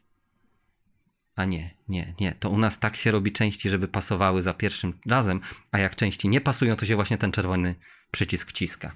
Y, to jest taka legenda takiego mowa, ale myślę, że oddaje, oddaje właśnie tą kulturę, która powstała wokół celu, wokół doceniania pracy, czyli tu już jest, tak łączymy, te, łączymy te trzy elementy, tak? bo, bo w przypadku Toyoty gratyfikacja materialna była taka, że oni kiedy w 70 latach produkowali najgorsze samochody, jakie się dało wyprodukować a teraz to jest, to są jedne z najlepszych i jedne z najdroższych. Okej, okay, czyli chcesz mi powiedzieć, że jeśli wszyscy z mojego otoczenia chodziliby na siłownię, to ja też bym chodził. No właśnie, skarżyłeś się na to, że praca youtubera jest samotna. ja nie chodzę. Jeszcze. Okej, okay, bo jakby, żebym to dobrze zrozumiał, czyli wszyscy w moim otoczeniu nie będą chodzili, bo właśnie teraz idziemy w drugą stronę, nie będą chodzili do McDonald'sa, to ja też nie będę chodził? No, to zależy. Możesz sobie wykształcić jakieś. To zależy. Właśnie to zależy od tego poziomu energii, jaki wykształca, wykształca ta, ta kultura. Bo jeżeli ona będzie wiesz, jeżeli wszyscy będą to robić i równocześnie będą to potępiać, to to jest zabawne, bo najprawdopodobniej w tobie się wzbudzi jakiś wewnętrzny opór, jakaś wewnętrzna blokada, i będziesz to robił potajemnie. To, to, ale nienawidzę siebie. Nienawid, nie, ale to, Nienawidzę siebie i płakał. Nie jesteśmy, ale tak, tak ludzie działają. Tak mi się wydaje, że to, że to w ten sposób... Czyli potajemnie też bym chodził na siłownię. Nienawidzę tych, tych wyciskania. Jakby, jakby, jakby, cię, jakby ci, jakby my nie chodzimy na siłownię, my jesteśmy tutaj introwertyczni i absolutnie sflaczali i nas nie interesuje budowanie krzepy fizycznej, ale ty się naparzałeś kijami, więc, więc ja myślę, że ty, ty byś się odnalazł w czymś. Okej, okay, to, to jest dość skomplikowane, wiesz, cała, cała motywacja wokół diety, cała motywacja wokół ćwiczeń, ona często się wypala i od razu przypomina mi się fantastyczne badanie i możecie je sobie sprawdzić. I robiłem z tego animację w grudniu zeszłego roku, e, jak utrzymać swoje noworoczne postanowienia. I to jest naprawdę świetne i od, odkrywcze badanie. I ono... Żeby nie robić noworocznych postanowień. Nie, nie, ono, ono pokazywało, jak to robić y, w kontekście ćwiczeń. Konkretnie w kontekście ćwiczeń to badanie było przeprowadzone, ale później było sprawdzane w innych kontekstach i również działało, również dawało y, nawet, nie pamiętam dokładnie, chyba 63% większe, y, lepsze wyniki niż bez robienia tego i już powiem co. Mianowicie, żeby dotrzymywać noworocznych postanowień, trzeba ustalić sobie harmonogram, mówimy konkretnie o ćwiczeniach, ustalić sobie harmonogram wyjść. Porannych, czy tam popołudniowych, jak ci pasuje. I zawiązać, to jest głupie, ale, ale bardzo specyficzna rzecz, zawiązać ze sobą kontrakt, umowę pisemną. Ja, Leszek Cibor, zobowiązuję się, że w poniedziałek, środę, piątek i niedzielę będę chodził o 8 rano na siłownię w tym i w tym miejscu, tak jakby podaję konkretnie adres. Y, będę robił tyle ćwiczeń, takie zakresy. Będę korzystał na przykład z tej kartki od trenera, tak, którą, mi, mhm. którą mi dał. Będę tam przynajmniej godzinę spędzał. Wezmę prysznic, wrócę do domu. Będę to robił, będę to powtarzał i co tydzień powtarzać swoje zobowiązania. I powiem ci, brzmi to głupio, ale w momencie, gdy wypiszesz y, ze sobą podpiszesz ze sobą kontrakt, który jest szczegółowy, tak konkretny, tak precyzyjny, zobowiążesz się i będziesz jeszcze trzymał go gdzieś na wierzchu cały czas ze sobą, jak, jak z diabłem, no nie? Normalnie mhm. pra, pra, prawie krwią, okazuje się, że na, wiesz, y, po dobrym przebadaniu tego y, masz dużo większą szansę na to, że utrzymają ci się rezultaty, że nie będzie tak, że po trzecim tygodniu, y, wiesz, przegapisz parę dni i potem się posypie wszystko. To będziemy, będziemy chyba mówić o nawykach jeszcze przy, przy energii, nie? Tak. Ale... dojdziemy do tego. No. A mi się od razu przypomniał, bo y, wiesz, powiedzieliśmy o szukaniu swojego dlaczego, o tej mhm, kulturze, tak? wiesz, to wszystko jest budowane tak, y, tak wiesz, dość pieczołowicie i wiesz, narasta, no nie? I mi się przypomniała ta kolejna metoda, na którą też zrobiłem animację, strasznie przegadana książka, 5, reguła 5 sekund Mel Robbins, e, tak naprawdę możliwa do streszczenia choćby w animacji, więc no, no nie jest to najlepsza książka na świecie. Ona, ona notabene chyba sama ją streściła parę razy w tych programach, w których występowała. Jest, Natomiast jest na YouTubie. Reguła 5 sekund przypomina oczywiście regułę pod tytułem jak ci kanapka tam spadnie, odczeka ileś sekund i ci bakterie nie, nie wlecą. Jakby to jest prostota tej metody jest dokładnie taka sama, no nie? Na zasadzie ona sugeruje, że ten taki moment, w którym zaczynam, zaczyna dochodzić do nas samo zwątpienie. Ona właśnie o tym, o tym zwątpieniu w samego siebie mówi, że mamy na coś pomysł, mamy ideę, że trzeba coś zrobić i faktycznie no około paru sekund, parę sekund zajmuje, do tych pięciu sekund, jak ona twierdzi, że dochodzi do nas jakieś tam zwątpienie, że zaczynamy szukać wymówek. I właśnie jest tak, że według niej ta reguła 5 sekund dotyczy, że muszę zacząć robić coś w 5 sekund. Że na zasadzie wpadam na pomysł, muszę iść na siłownię i muszę do 5 sekund wstać i wyjść. I w momencie, gdy już wstanę, podejmę akcję, cały proces zaangażowania y, sprawi, że, że nawet jakieś, jeśli się pojawią jakieś wątpliwości, to one będą odrzucane, chyba, że to będą wątpliwości dużej, wiesz, dużej postury pod tytułem mam zepsute auto, muszę iść 2 km na piechotę. Ale to, y, wiesz, to jest, to jest, y, ja sobie wypisałem tutaj w notatkach o efektu, o efekcie torowania, czyli właśnie nawyków splecionych w łańcuch to jest chyba to. Odpalamy i już się później nie zastanawiamy. Ale może o tym, y, może o tym za chwilę, y, bo, bo jeszcze żeśmy nie mówili o tej, czy, czy już żeśmy domknęli temat y, motywacji? Abstrahując od energii psychicznej, od nawyków, od, od inspiracji? No, wydaje mi się, że stanęło na tym, oprócz tego, że omówiliśmy te filary, stanęło na tym, że dalej motywacja, stan motywacji to jest stan gotowości. I to wiemy, i, zna, już znamy jego filary, i znamy jego niuanse w postaci tego, jak tego szukać, i te trzy, trzy wewnętrzne ja sobie przeanalizowaliśmy. Na, następna część e, definicji z Wikipedii to jest motywacja wzbudzony, e, ten, ten stan gotowości jest wzbudzony potrzebą i jest wspierany przez zespół procesów psychicznych i fizjologicznych określający i tak dalej, i tak. Czyli mamy cały, cały zespół, y, zespół procesów, który wspiera naszą motywację, ale który możemy wyzwolić też kontrproduktywnie. Tak? Możemy sobie strzelić w kolano. Tak, i to y, od, od razu tu widać, wiesz, jakby nawiązanie do tego, że jeśli jesz śmieciowo cały czas i smacznie, ale śmieciowo, to dużo ciężej ci będzie przejść na, wiesz, zdrow zdrową, lekką, warzywną dietę, niż jak jesz po prostu normalnie, czyli jakby mhm.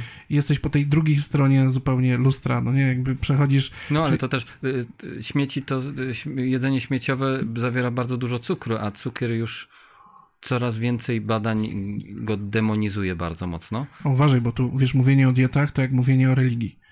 Przepraszam. Prawie to ja jestem wierzący w, w, to, że cukru powinno się jeść mało. Przepraszam. Jesteś, jesteś y, an, antycukrowcem. Yy, tak, trochę tak, ale jem równo. Scepty węglow węglowo do sceptykiem. Tak. No, no, Węglowodano sceptykiem. Ach, odpuśćmy sobie. Okay. E, ale już jest. Poleciliśmy troszeczkę. W każdym razie, y, faktycznie cały ten zespół y, psychofizycznych powiązań, bo możemy dużo mówić o psychice, y, a możemy. Możemy dużo mówić o psychice, ale możemy też mówić dużo o gotowości ciała, no nie? Mhm. Do działania. Jeśli faktycznie uprawiasz sport i w ogóle jest jedną z takich ważniejszych rzeczy, która że jeśli mówimy o nawykach ludzi sukcesu i modelowaniu, to jest trochę nudne i trywialne mówienie o tych nawykach, ale faktycznie jedną rzeczą, która bardzo mocno odróżnia tych ludzi, to jest właśnie sport, uprawianie tego sportu. Ale mhm. jakby ja bym chciał jeszcze skupić się na tych powodach psychicznych motywacji. Jak, jak znaleźć to Czyli co, w skrócie, co, co zrobić, co właściwie znaczy to dlaczego, tak? Gdzie można tak. tego dlaczego szukać? I, i to, to wyższe jak gdzieś tam jeszcze się w tym wszystkim pojawia. Mhm. To jest właśnie y, takie myślenie o sobie w tym kontekście i mi to też pomaga bardzo, że fajnie by było, gdybym był kimś, z kogo można być dumnym. Że na zasadzie, że inni są dumni ze mnie, że, że jestem taki jestem, że, że ja jestem dumny z siebie Wiesz, że nie jest tak, że właśnie siedzę, wiesz, w samochodzie, wpierdzielam te burgery i płaczę po prostu jaki, po prostu nad swoją mizerią, jaki to jestem beznadziejny i po prostu nienawidzę siebie i wpycham tego burgera, czy tam coś, wiesz, i robię te destrukcyjne rzeczy, bo się poddałem i już jestem po prostu beznadziejny, tylko e, fajnie by było, chciałbym być z siebie dumny i chciałbym, żeby inni byli dumni ze mnie. I e, odwołując się do tego wyższego ja i tych, tej, tej gotowości psychicznej, to jest jakby jedna rzecz, to takie no, proste ćwiczenia. Wyobraź sobie e, wersję starszą siebie. I teraz jest to dość specyficzne ćwiczenie, bo możesz sobie wyobrazić starszego siebie za 10 takiego, lat. Takiego, no właśnie. Albo za 20, albo za 50 lat, no nie? W zależności od tego, jak tam sobie wyobrażasz, ile przeżyjesz. Ale myk polega na tym, że jeśli będziesz 20 lat starszy, no nie? Na przykład, to co będziesz myślał o swoim postępowaniu dzisiaj. Tym, tak. I wiesz, na zasadzie, okej, okay, ja mam w tym momencie 32 lata, no nie? I jak ja na przykład po cofnę się o powiedzmy tych tam 15 lat do takiej mojej wczesnej, w miarę świadomej dorosłości. Czyli miałem 15, czyli sumując 17, tak? Miałem moje 17 lat. I jak sobie przypomnę, a jak miałem 17 lat, to dość dobrze już pamiętałem, dobrze teraz pamiętam, co robiłem wtedy. Jak sobie pomyślę, co robiłem, to co bym sobie powiedział? Wiesz co chodzi? A, ty mhm. głupi, no nie? Weź tam no, się, ty, skoryguj. Ta technika nazywa się y, reframing, tak? Prze nie, reframing to jest coś innego. No, Tutaj... ale to, to, też jest to, bo na przykład możesz, możesz sobie zadać pytanie nie tylko o siebie, ale możesz. To, to, to, to działa podobno najbardziej. Ja nie mam, nie mam córki, ale to podobno na, na ojców córek działa bardzo mocno. E, co twoja córka e, myśli, co, co chcesz, żeby twoja córka myślała o tobie w wieku 20-30 lat, kiedy będzie mieć 20-30 lat? E, co byś chciał, żeby o tobie myślała? I podobno rakieta, nie wiem, nie mam, nie mam córki, ale mam bratanicę, które bardzo bym chciał, żeby myślała o mnie dobrze. Chciałbym, tak właśnie, być podziwiany przez nie. To już, to już konkretnie, e, konkretnie to łączy te dwie, e, te dwie metody. I, I, ja akurat to, z tego skorzystałem w ogóle, bo e, czytając naprawdę fajne książki Marka Mansona, napisałem pierwszą część i teraz kończę drugą część animacji odnośnie tego mm, porad, co robić w swoich 30, 30 latach swojego życia, jakby żeby, żeby nie wtopić, no nie? I to jest super, bo dużo z tych porad jest zaczerpniętych od 40 i 50 latków, którzy mają bardzo podobne doświadczenia i wiesz, ignorowanie ich i traktowanie ich jak idiotów jest moim zdaniem kompletnym błędem, bo mają to doświadczenie życiowe. Bardzo wielu przechodziło podobne ścieżki, podobne, wiesz, porażki, podobne, podobne sytuacje i mówią naprawdę z, dużo, z, z fajnego miejsca, z fajnego doświadczenia, dla wielu młodych wilków, takich wiesz, bardzo ostrych, e, ostrych graczy, może się to wydać jako takie pierdzenie staruchów, którzy a tam podcinają ci skrzydła.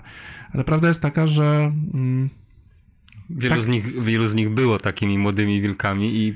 I mieli podcięte Przyorało. I przyorało. No, nawet niekoniecznie, nawet im się udało, tylko y, zapłacili za to. Więc i, jeśli ja na przykład sobie wyobrażam siebie za 10 czy, czy 15 lat, to dostaję momentalnie jak zacznę to ćwiczenie i zacznę sobie spisywać to na kartce, to dostanę automatycznie listę porad, czego nie robić i co zacząć robić, wiem, czego robić, zacząć więcej i to prawdopodobnie będą dobre rady. Mhm. I to jest, to jest takie au, ćwiczenie, wiesz, w automotywacji, w szukaniu auto, y, automotywacyjnego Znalezienia innej, innego sposobu patrzenia na siebie i to może rzeczywiście odpowiedzieć na, na, pytania, których jeszcze nie wiemy, że powinniśmy zadać. Mówiłem ci, Ryszard, będzie jak religia. Zaczęli gadać o, o diecie na czacie.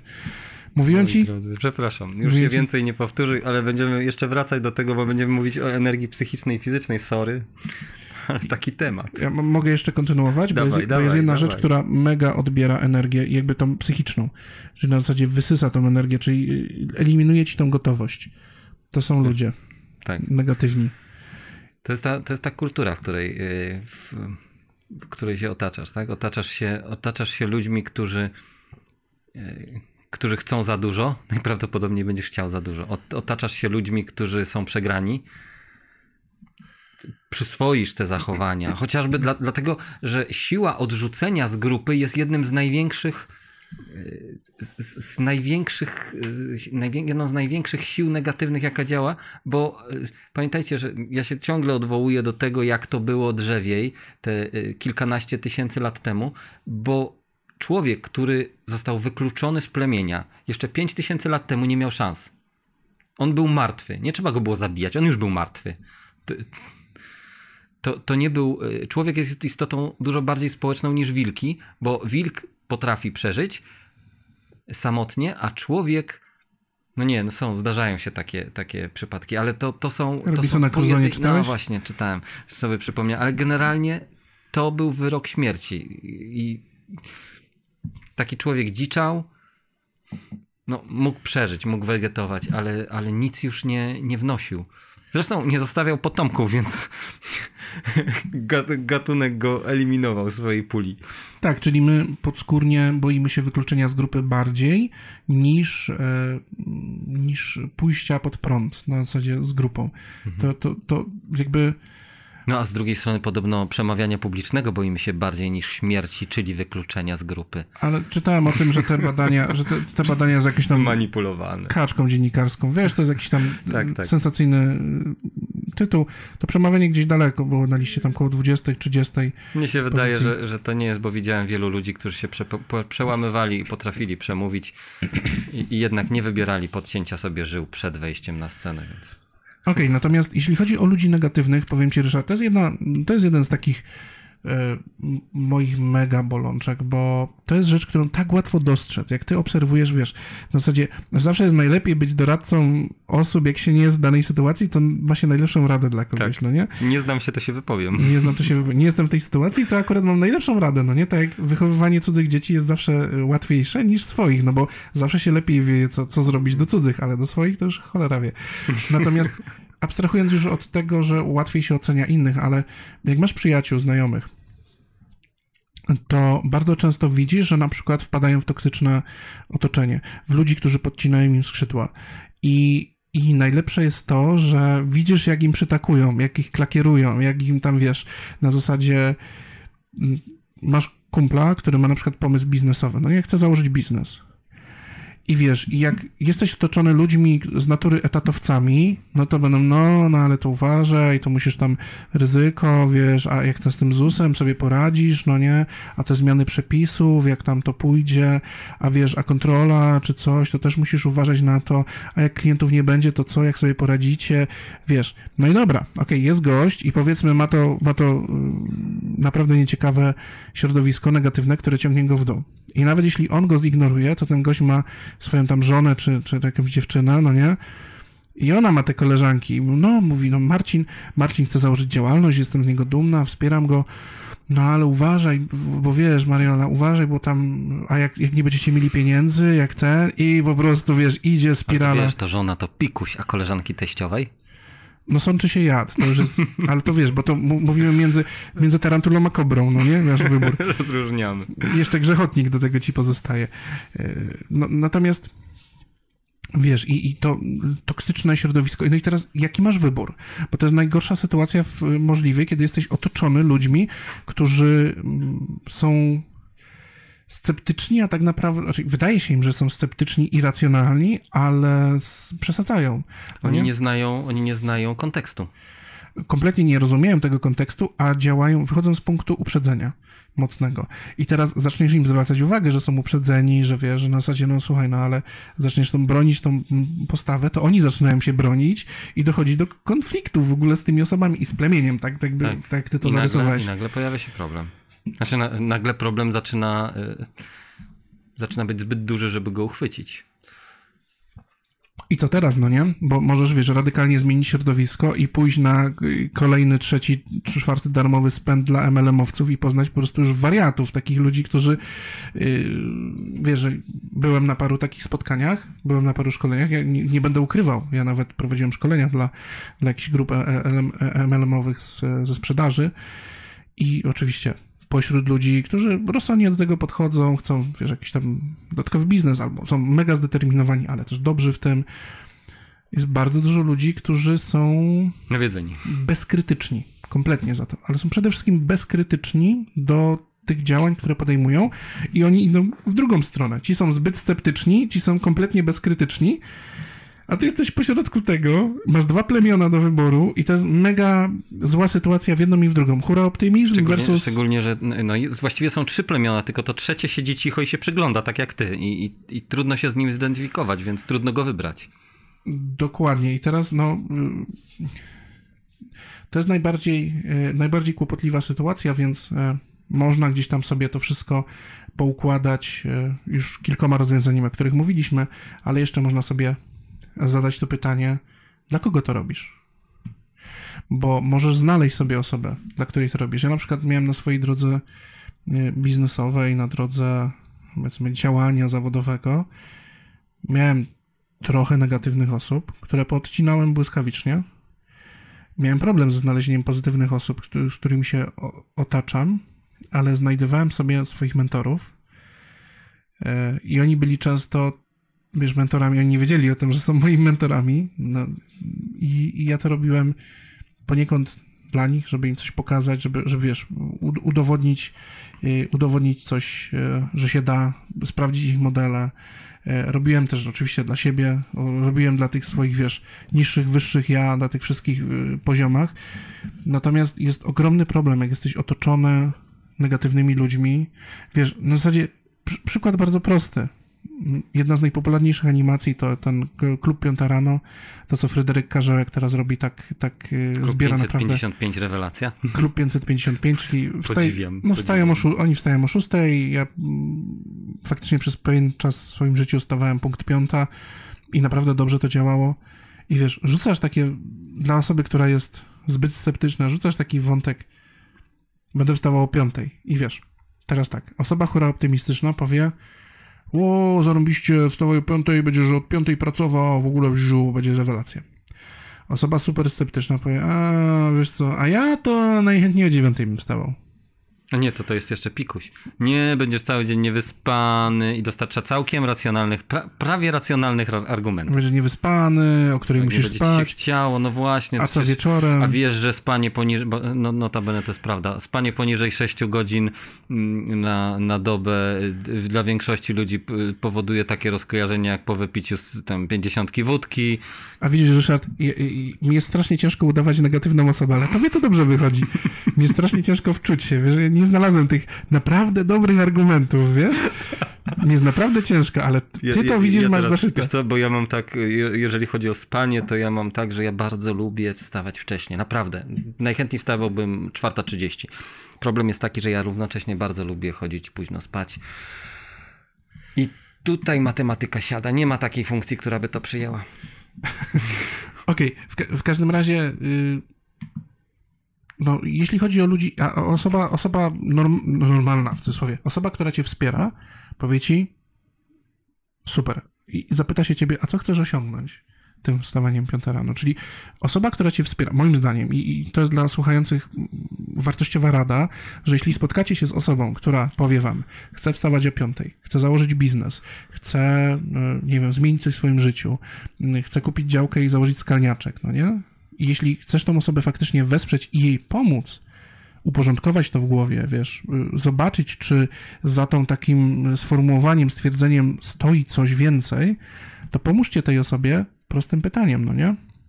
Fajnie, dobrze, co chcesz tym osiągnąć?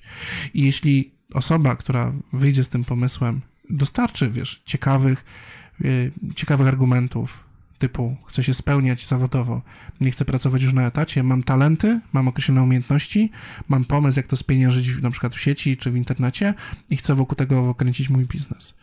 Albo y, jak ja trochę mniej racjonalnie przy tym skalniaczku mówię, chcę się zrelaksować przy fizycznej pracy. No nie, na zasadzie poukładać ten cholerny skalniaczek i wiesz, i zobaczyć fajny rezultat w postaci, wiesz, y, tutaj jest jakieś tam malutkie jezioreczko, tutaj są kwiaty jakoś poukładane, ten skalniaczek, tutaj jakieś no mam jakieś takie wyobrażenie. Ja, ja, ja, się jaram permakulturą, pomogę ci tym skalniaczkiem. Kurczę, już mnie, wiesz, już, już, już znalazłeś moje dlaczego. Tak, ale, ale wiesz, i, i, jeśli, y, jeśli jesteś osobą wspierającą, to pomożesz tej osobie uporządkować coś w głowie i jeśli usłyszysz to w sposób racjonalny, to po prostu daj tej osobie działać i ewentualnie na, nawet nie dawaj nieproszonych porad. No bo to tutaj chyba, chyba żeśmy wjechali w tą inspirację, bo ta inspiracja, czyli zainspirowanie takie intelektualne, emocjonalno-intelektualne, yy, może być właśnie takim rozbuchanym, yy, rozbuchanym yy, zainspirowaniem, może być nieadekwatna do, do sytuacji obecnej, albo nie, nieadekwatna do, do celów, które ktoś chce osiągnąć. Bo jeżeli ty byś powiedział, że chcesz po prostu zbudować taki skalniaczek i on, ten skalniaczek będzie ci y, dawał rybki, bo tam będzie takie jeziorko i te rybki to normalnie będziesz codziennie rano jadł rybkę i polował na nią wieczorem z harpunem, wzbudziłoby to moje pewne taką, taką wątpliwość lekką. Czy... Tak, tak, aczkolwiek jeśli chcesz być osobą wspierającą, to... To powinienem zadać ci pytanie? Nie, nie. Przede wszystkim powinieneś unikać nieproszonych porad. Tak. Bo to jest mega, mega irytujące. Jezusie. Jak, jakie to jest po prostu irytujące, jak, wiesz, y, przychodzisz do kogoś z pomysłem i, i mówisz, y, wiesz, okej, okay, e, na przykład y, chcemy mieć drugie dziecko, no nie? A to jest pytanie, to nie jest nieproszona porada. No nie? Ale wiesz, i nieproszone porady się zaczynają, no nie? A co z twoją pracą? A to, to może... To, może, yy, to ten... też są pytania. A nie, to, to, to, może zacznijcie później, albo może szybciej zróbcie, wiesz, albo... Yy, dobra, z dzieckiem to może... To już jest strasznie drażliwy ostro, temat, bo to jest... Ostro poleciałem. Ale chodzi o nawet zawodowo, no nie, chcę zmienić pracę, no nie? No i wiesz, i od razu to może pójść to na kurs. słuchaj, to idź, idź do swojego szefa i powiedz, wtedy mu wygarnij wszystko, tak ci ulży ci. Ja nie potrafię tego. Widzisz, znowu, znowu robisz to lepiej niż ja. Nie potrafię być negatywny. Się wczuwam, wczuwam cię w twoje, w twoje potwory. Natomiast nieproszone porady są kłopotliwe, bo to jest takie mądrzenie się na temat, na temat, na którym się nie znasz i ja po prostu, ja znam jedną osobę. Całkiem nieźle. Jedna osoba, której nie wymienię z imienia nazwiska, bo e, jest troszeczkę od strony mojej e, pięknej strony mojego związku jest, jest taka przyjaźń. I ta przyjaciółka, powiem ci, że to jest Ostro. kwintesencja negatywności, nieproszonych porad, i, no i, i, absolutnego nieodniesienia się do jakiegokolwiek kontekstu, braku wiary i, i skupieniu na sobie. Czyli y, cokolwiek mówisz, ta niewspierająca, negatywna osoba, ona wszystko wokół siebie obraca. Od razu widzi mhm. siebie w tym kontekście, co ona by zrobiła i patrzy ze swojej perspektywy i ze swoich lęków, uprzedzeń i po prostu ci wysmaża kategory, kategoryczne, nie rób tego, uważaj na to. I najlepsze jest to, że to jest tak mocno, w, akurat w tej konkretnej osobie, że posuwa się do konfabulacji. Że słychać, że zmyśla na poczekaniu, że moja koleżanka miała, mój kolega, ja znam taką osobę, która to się wtedy wiesz, co odpowiada. Moja droga, to jest dowód epizodyczny. I wtedy skończy się relacja. Ja się milczy, po prostu Ryszard się milczy w takiej sytuacji. No ale, po, no, ale mówiliśmy, mówiłeś o, odci o odcinaniu. To... Ja bym ci na twoim miejscu, to ja bym... Dobrze. Okej. Okay. Lećmy dalej. Bo, bo doszliśmy do... Przeszliśmy przez, przez inspirację. No i chyba teraz pora znowu, znowu wejść na... Znowu wejdziemy na miny, bo to jest przecież... Energia to jest także, także jedzenie, to jest spanie, to jest prowadzenie odpowiedniego trybu życia, więc ja może taki, taki disclaimer na, na początku. Teraz wejdziemy w, w sferę badań psychologiczno-fizjologicznych, które, e, no cóż, e, nie dla każdego tak samo działają. Nie jesteśmy monolityczni, nie mamy dokładnie tego samego, nie mamy dokładnie takiej samej struktury fizycznej, genetycznej, metabolicznej, więc to, co działa dla niektórych, dla całkiem sporej grupy nie działa. E, to, co jednym wstawanie rano sprzyja, drugim nie. Jednym z podstawowych zaleceń, które na przykład odnośnie takiego badania siebie, sprawdzania siebie y, naukowcy dają, to jest to, żeby znaleźć swoje y, optimum energetyczne. Tak, kiedy, w, kiedy w dniu jesteś najbardziej zenergetyzowany, kiedyś powinieneś wykonywać najtrudniejsze. Y, spotkałem niedawno osobę, jednego z naszych dość słynnych sportowców, którzy który powiedział mi, że on chodzi spać o drugiej, e, wstaje o czwartej i cały czas jest e, tak tym, tak swoim nowym pomysłem, swoim e, nowym, swoim nowym biznesem tak jest nakręcony, że po prostu mógłby go cały dzień realizować. Rzeczywiście ciekawe, ciekawy biznes, dający pożywkę zarówno intelektualną, jak i, no jak, jak i finansową ale generalnie spanie poniżej 6 godzin może przynieść więcej krzywdy niż pożytku. Może istnieje, może jesteś tak, w, takim, w, w takiej części populacji, która, której to nie przynosi e, szkody, przynosi trochę, e, trochę mniejsze, więc w ten sposób bardzo byśmy prosili z Deszkiem, to, to zresztą mówimy, nie jesteśmy, nie jesteśmy tutaj guru E, kwestionujcie, kwestionujcie, zadajcie pytanie i te, te badania, które przytaczamy, to są badania naukowe, natomiast one mogą mieć 60% e, sprawdzalności, co jest dużo. Warto sprawdzić, czy dla ciebie. No ale są, są momenty na przykład takie jak, mm, e, takie jak zjedz tę żabę. Jest bardzo duża część populacji. Zjedz tę, zjedz tę, zjedz tę żabę to jest, to jest metoda stworzona Briana Briana Tracy, przez Briana Tracy, który mówi, żeby najtrudniejsze działanie wziąć na, na początek. Ale nie dla wszystkich to działa, niektórym to właśnie zabija energię, zabija motywację. Więc kończąc, pamiętajcie, że to się może po prostu. Populacja jest bardzo różna, jesteśmy bardzo różni od siebie. Patrzmy na to, co jest u nas. A, a jak w takim razie tą energię podnieść i jakie triki najprawdopodobniej u ciebie zadziałają, bo działają dla większości ludzi? E, jeżeli potrzebujesz podjąć działanie, to moim takim, takim trikiem, zresztą bardzo dużo z nich Damian Redman na swoim na swoim kanale pokazuje, przedstawia, więc warto zajrzeć. E, to jest napięcie mięśni. Napinasz mięśnie, trzymasz je przez jakiś czas napięte.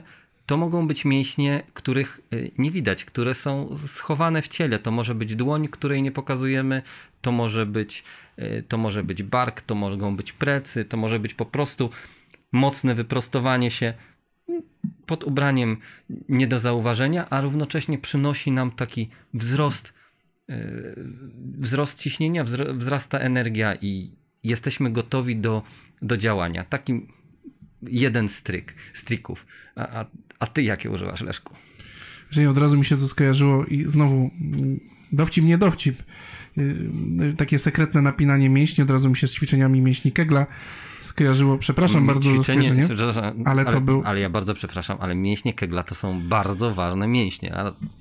Nie wiem, kim był Kegel. Nie mam pojęcia. Był, był anatomem pewnie. Anatomem. Na pewno, na pewno no, tam się... Okej, okay. tak, masz rację. Napinanie mięśni jest jakimś tam trikiem, żeby się pobudzić, no bo pobudzamy krążenie, pobudzamy te wszystkie, wiesz, elementy fizjologii człowieka, które odpowiadają za produkcję właściwych hormonów. I, i znowu ta gospodarka chemiczna w naszym mózgu sprawia, że się lepiej czujemy i ta spirala zaczyna się powoli pozytywnie nakręcać. Analogicznie jest, wiesz, tak, tak jak mówiliśmy o tych badaniach z pozycjami mocy.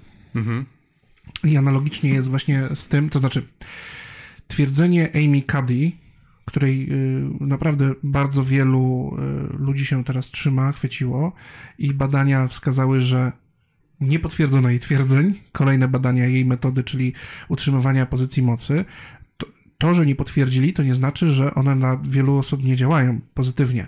Czyli właśnie, właśnie to tutaj taka... może być za bardzo, po prostu za bardzo spłaszczona ta, ta krzywa Gaussa, która wyznacza te badania, tak? Tak, natomiast y, tutaj chodzi o to, że y, to jest taka samo spełniająca się przepowiednia, czyli jak odnosisz sukces, no to masz ko konkretne pozycje mocy, typu wiesz, tam mięśnie, podnie podniesione ręce, wiesz, te zaciśnięte pięści, jest, wiesz, takie wyskoki do góry, wiesz, no jest, bardzo jest. charakterystyczne rzeczy, które są tożsame dla, e, dla prawie wszystkich dziedzin, nawet wiesz, szacho, e, na, na, nawet gracze szachowi, wiesz, potrafią tam pokazać te emocje no, gdzieś tam na samym końcu. Tak?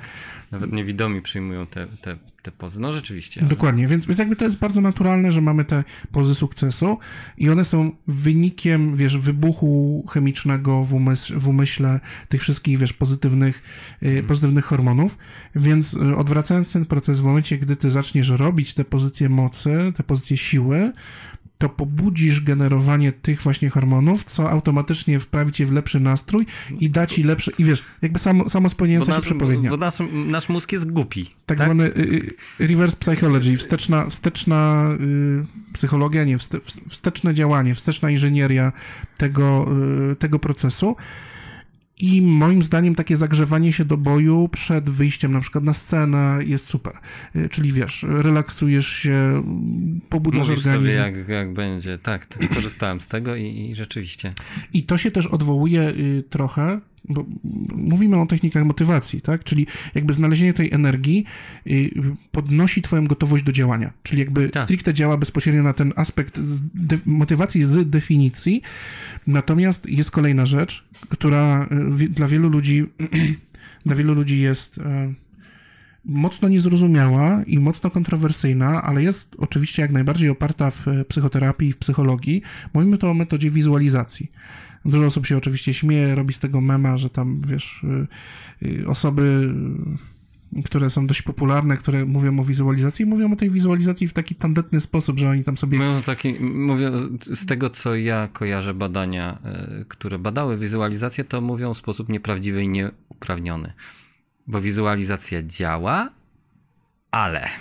No, jest bardzo duże ale. Natomiast, natomiast wizualizacja, tak jak pozycję mocy, wizualizacja ma właśnie tą taką, jest taką samo spełniającą się przepowiednią, czyli nie mam czegoś, ale wyobrażam sobie to, wyobrażam sobie siebie w tej sytuacji konkretnej i w tym momencie pobudzam się do gotowości. Jestem bardziej gotowy mm. niż byłem, niż byłem e, przed i e, wizualizacja, tylko że właśnie, e, jakby ten Chcesz coś powiedzieć na temat tak, wizualizacji? Tak. Okay, no to mów. Dlatego, że na, już wspomniałem w, w, tej części, że mózg jest głupi i on y, dlatego reaguje na przykład na to, że, że jeżeli się uśmiechamy, to on reaguje y, tak, że się dostosowuje do tego, że my się uśmiechamy i nam jest lepiej, to w ten sam sposób działa y, przy wizualizacji. Jeżeli zrobi się to w ten taki sposób prosty, taki właśnie wyobrażam sobie, że będę miał Lamborghini i jak się będę czuł w tym Lamborghini, to on jest spełniony, bo generalnie on już ma Lamborghini i on już ma dość. On już nie musi robić nic. Twój mózg już jest zaspokojony. To skoro zaspokoiłeś mózg, to właśnie sobie wyciąłeś e, energię psychiczną. Tak, ale właśnie, tu mówisz o tej pułapce. I ta tak. pułapka, tak. ona, ona bardzo dobrze działa, w, bardzo dobrze się w nią wpada w momencie, gdy ogląda się motywacyjne filmy na YouTube. Bo motywacyjne filmy na YouTube, y, i to jest coś, o czym bardzo często wspominam, dlaczego taka krótkoterminowa, taka y, łatwa motywacja, taka motywacja konsumencka, powiedziałbym nawet, taki fast food motywacyjny. O, taka tabletka motywacyjna. Tabletka, taki fa no, no fast food motywacyjny. Dlaczego ten fast food motywacyjny nie działa? Dlatego, że nasz umysł jest głupi i nasz umysł, y, słuchając o sukcesach sportowych, słuchając o zdobywaniu majątku, on nie rozróżnia tego, że to jest twoja ambicja, czy to jest twoja ambicja, czy to jest już coś, co osiągnąłeś. Właśnie. I on często robi tak, że osiągnąłem to, osiągnąłem ten stan emocjonalny, który towarzyszy posiadaniu Lamborghini, wiesz, odnoszeniu sukcesów sportowych no to, i osiada. To po co się starać? Jak Nie, już... już to mam. No, hello. już jestem w tym stanie. I teraz robi się taki fast, fast foodowa motywacja, prowadzi do tego, że dużo osób uzależnia się od mów motywacyjnych, uzależnia się od, do, od takich, wiesz, seminariów. A wiesz, y, jednym Jednym z, mm, w Amwayu to słyszałem, jednym z takich mm, głoszonych tez y, było to, że właśnie to jest, to jest pozytywne. Oni tego nie nazywali nałogiem, nie nazywali tego uzależnieniem, ale właśnie, że trzeba oglądać te filmy, słuchać, żeby to, żeby to zadziałało. No ale właśnie potem nic nie robisz, ale potem nic nie robisz bo możesz się zaprogramować, inaczej, możesz się zaprogramować, wiesz, jak robot pewne rzeczy robić, okej, okay. mhm.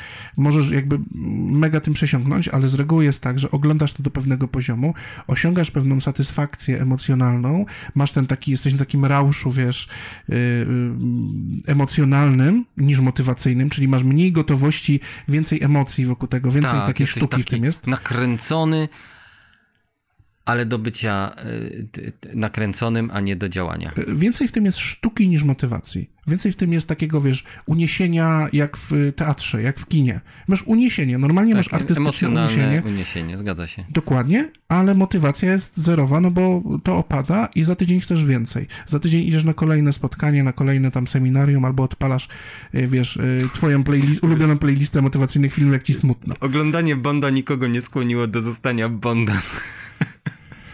No, ale, ale tylko, że Bond jest oczywiście jasną, określoną fikcją, natomiast filmy motywacyjne mm, jakąś tam wersję prawdy podają i wiesz... Czy... Czasami nawet podają prawdziwe historie, tylko co z tego, jeżeli y, po pierwsze nie zna się wszystkich uwarunkowań, po drugie ta osoba na pewno nie oglądała tego filmu o swoim sukcesie, jak do niego dążyła, a po trzecie no no nie wiem, to nie jest jakieś y, taki, taki, takie filmy y, nie, pod, nie przedstawiają y, nie przedstawiają tego, tego dążenia, tylko przedstawiają emocje, które mu towarzyszyły. Nie, nie dają sposobu, tylko dają otoczkę. Mhm. I to otoczkę wypaczoną, więc to no zastanówcie się, czy chcecie zamiast, e, zamiast lodów jeść ich zdeformowane pudełko.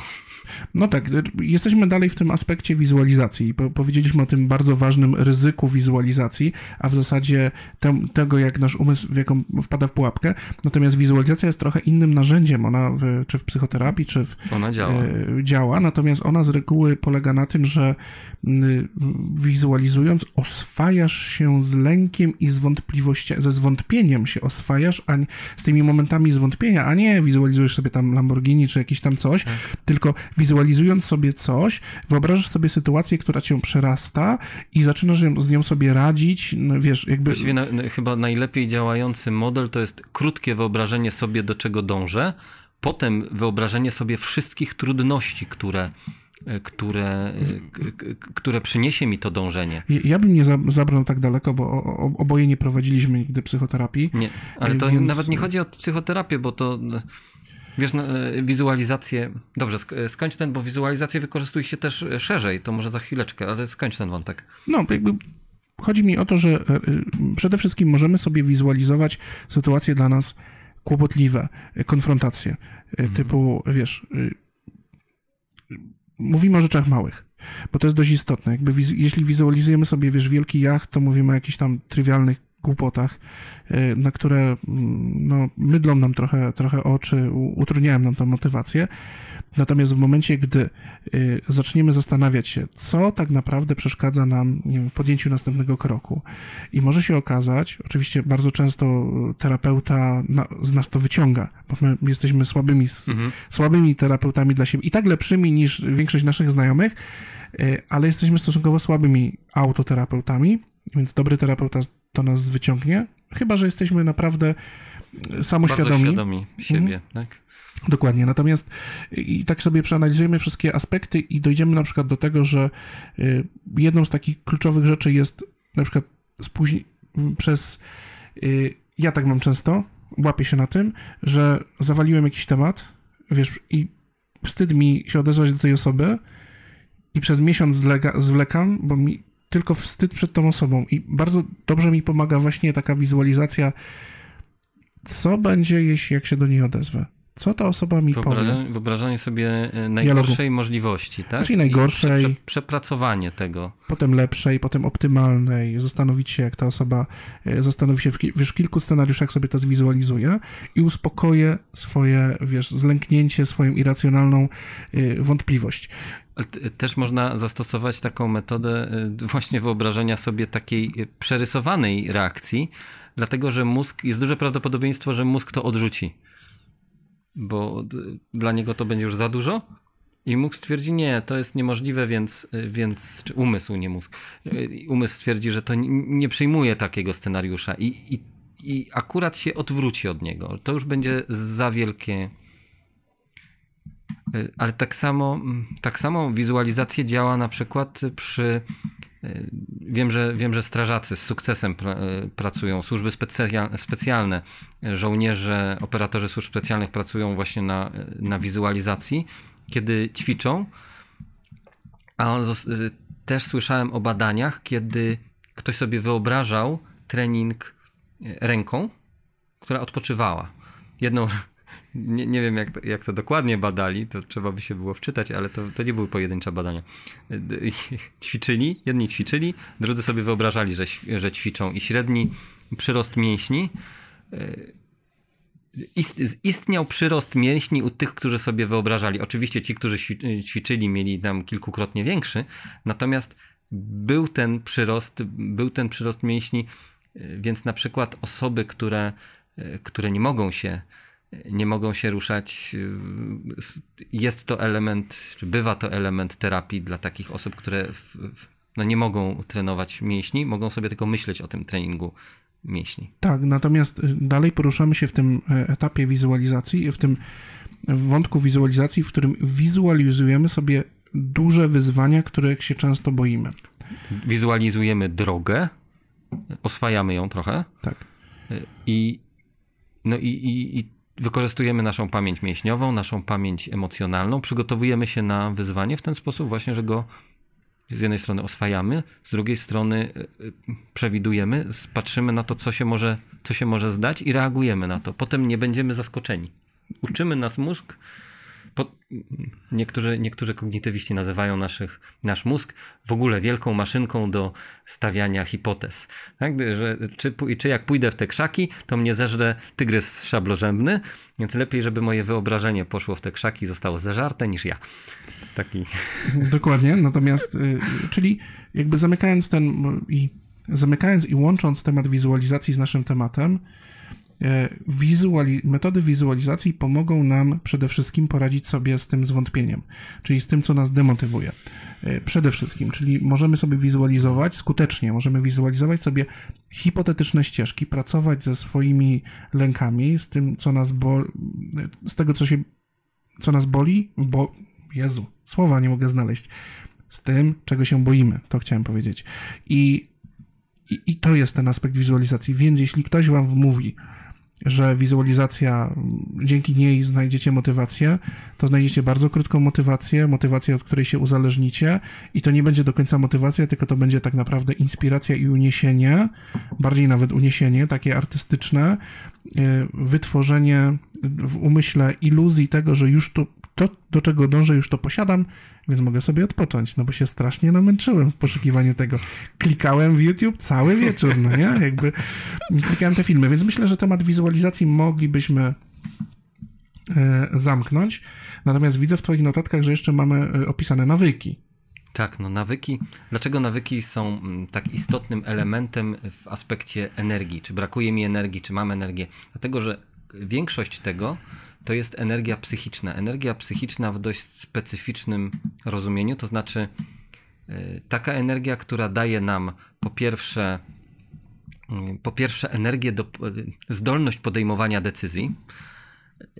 Po drugie, to jest bardzo mocno skorelowane z ilością przechowywanych informacji w pamięci operacyjnej. Człowiek też ma pamięć operacyjną i ma ograniczoną ilość informacje, które są w niej przechowywane, więc na dodatek ta ilość jest mniejsza, jeżeli jest zmęczony.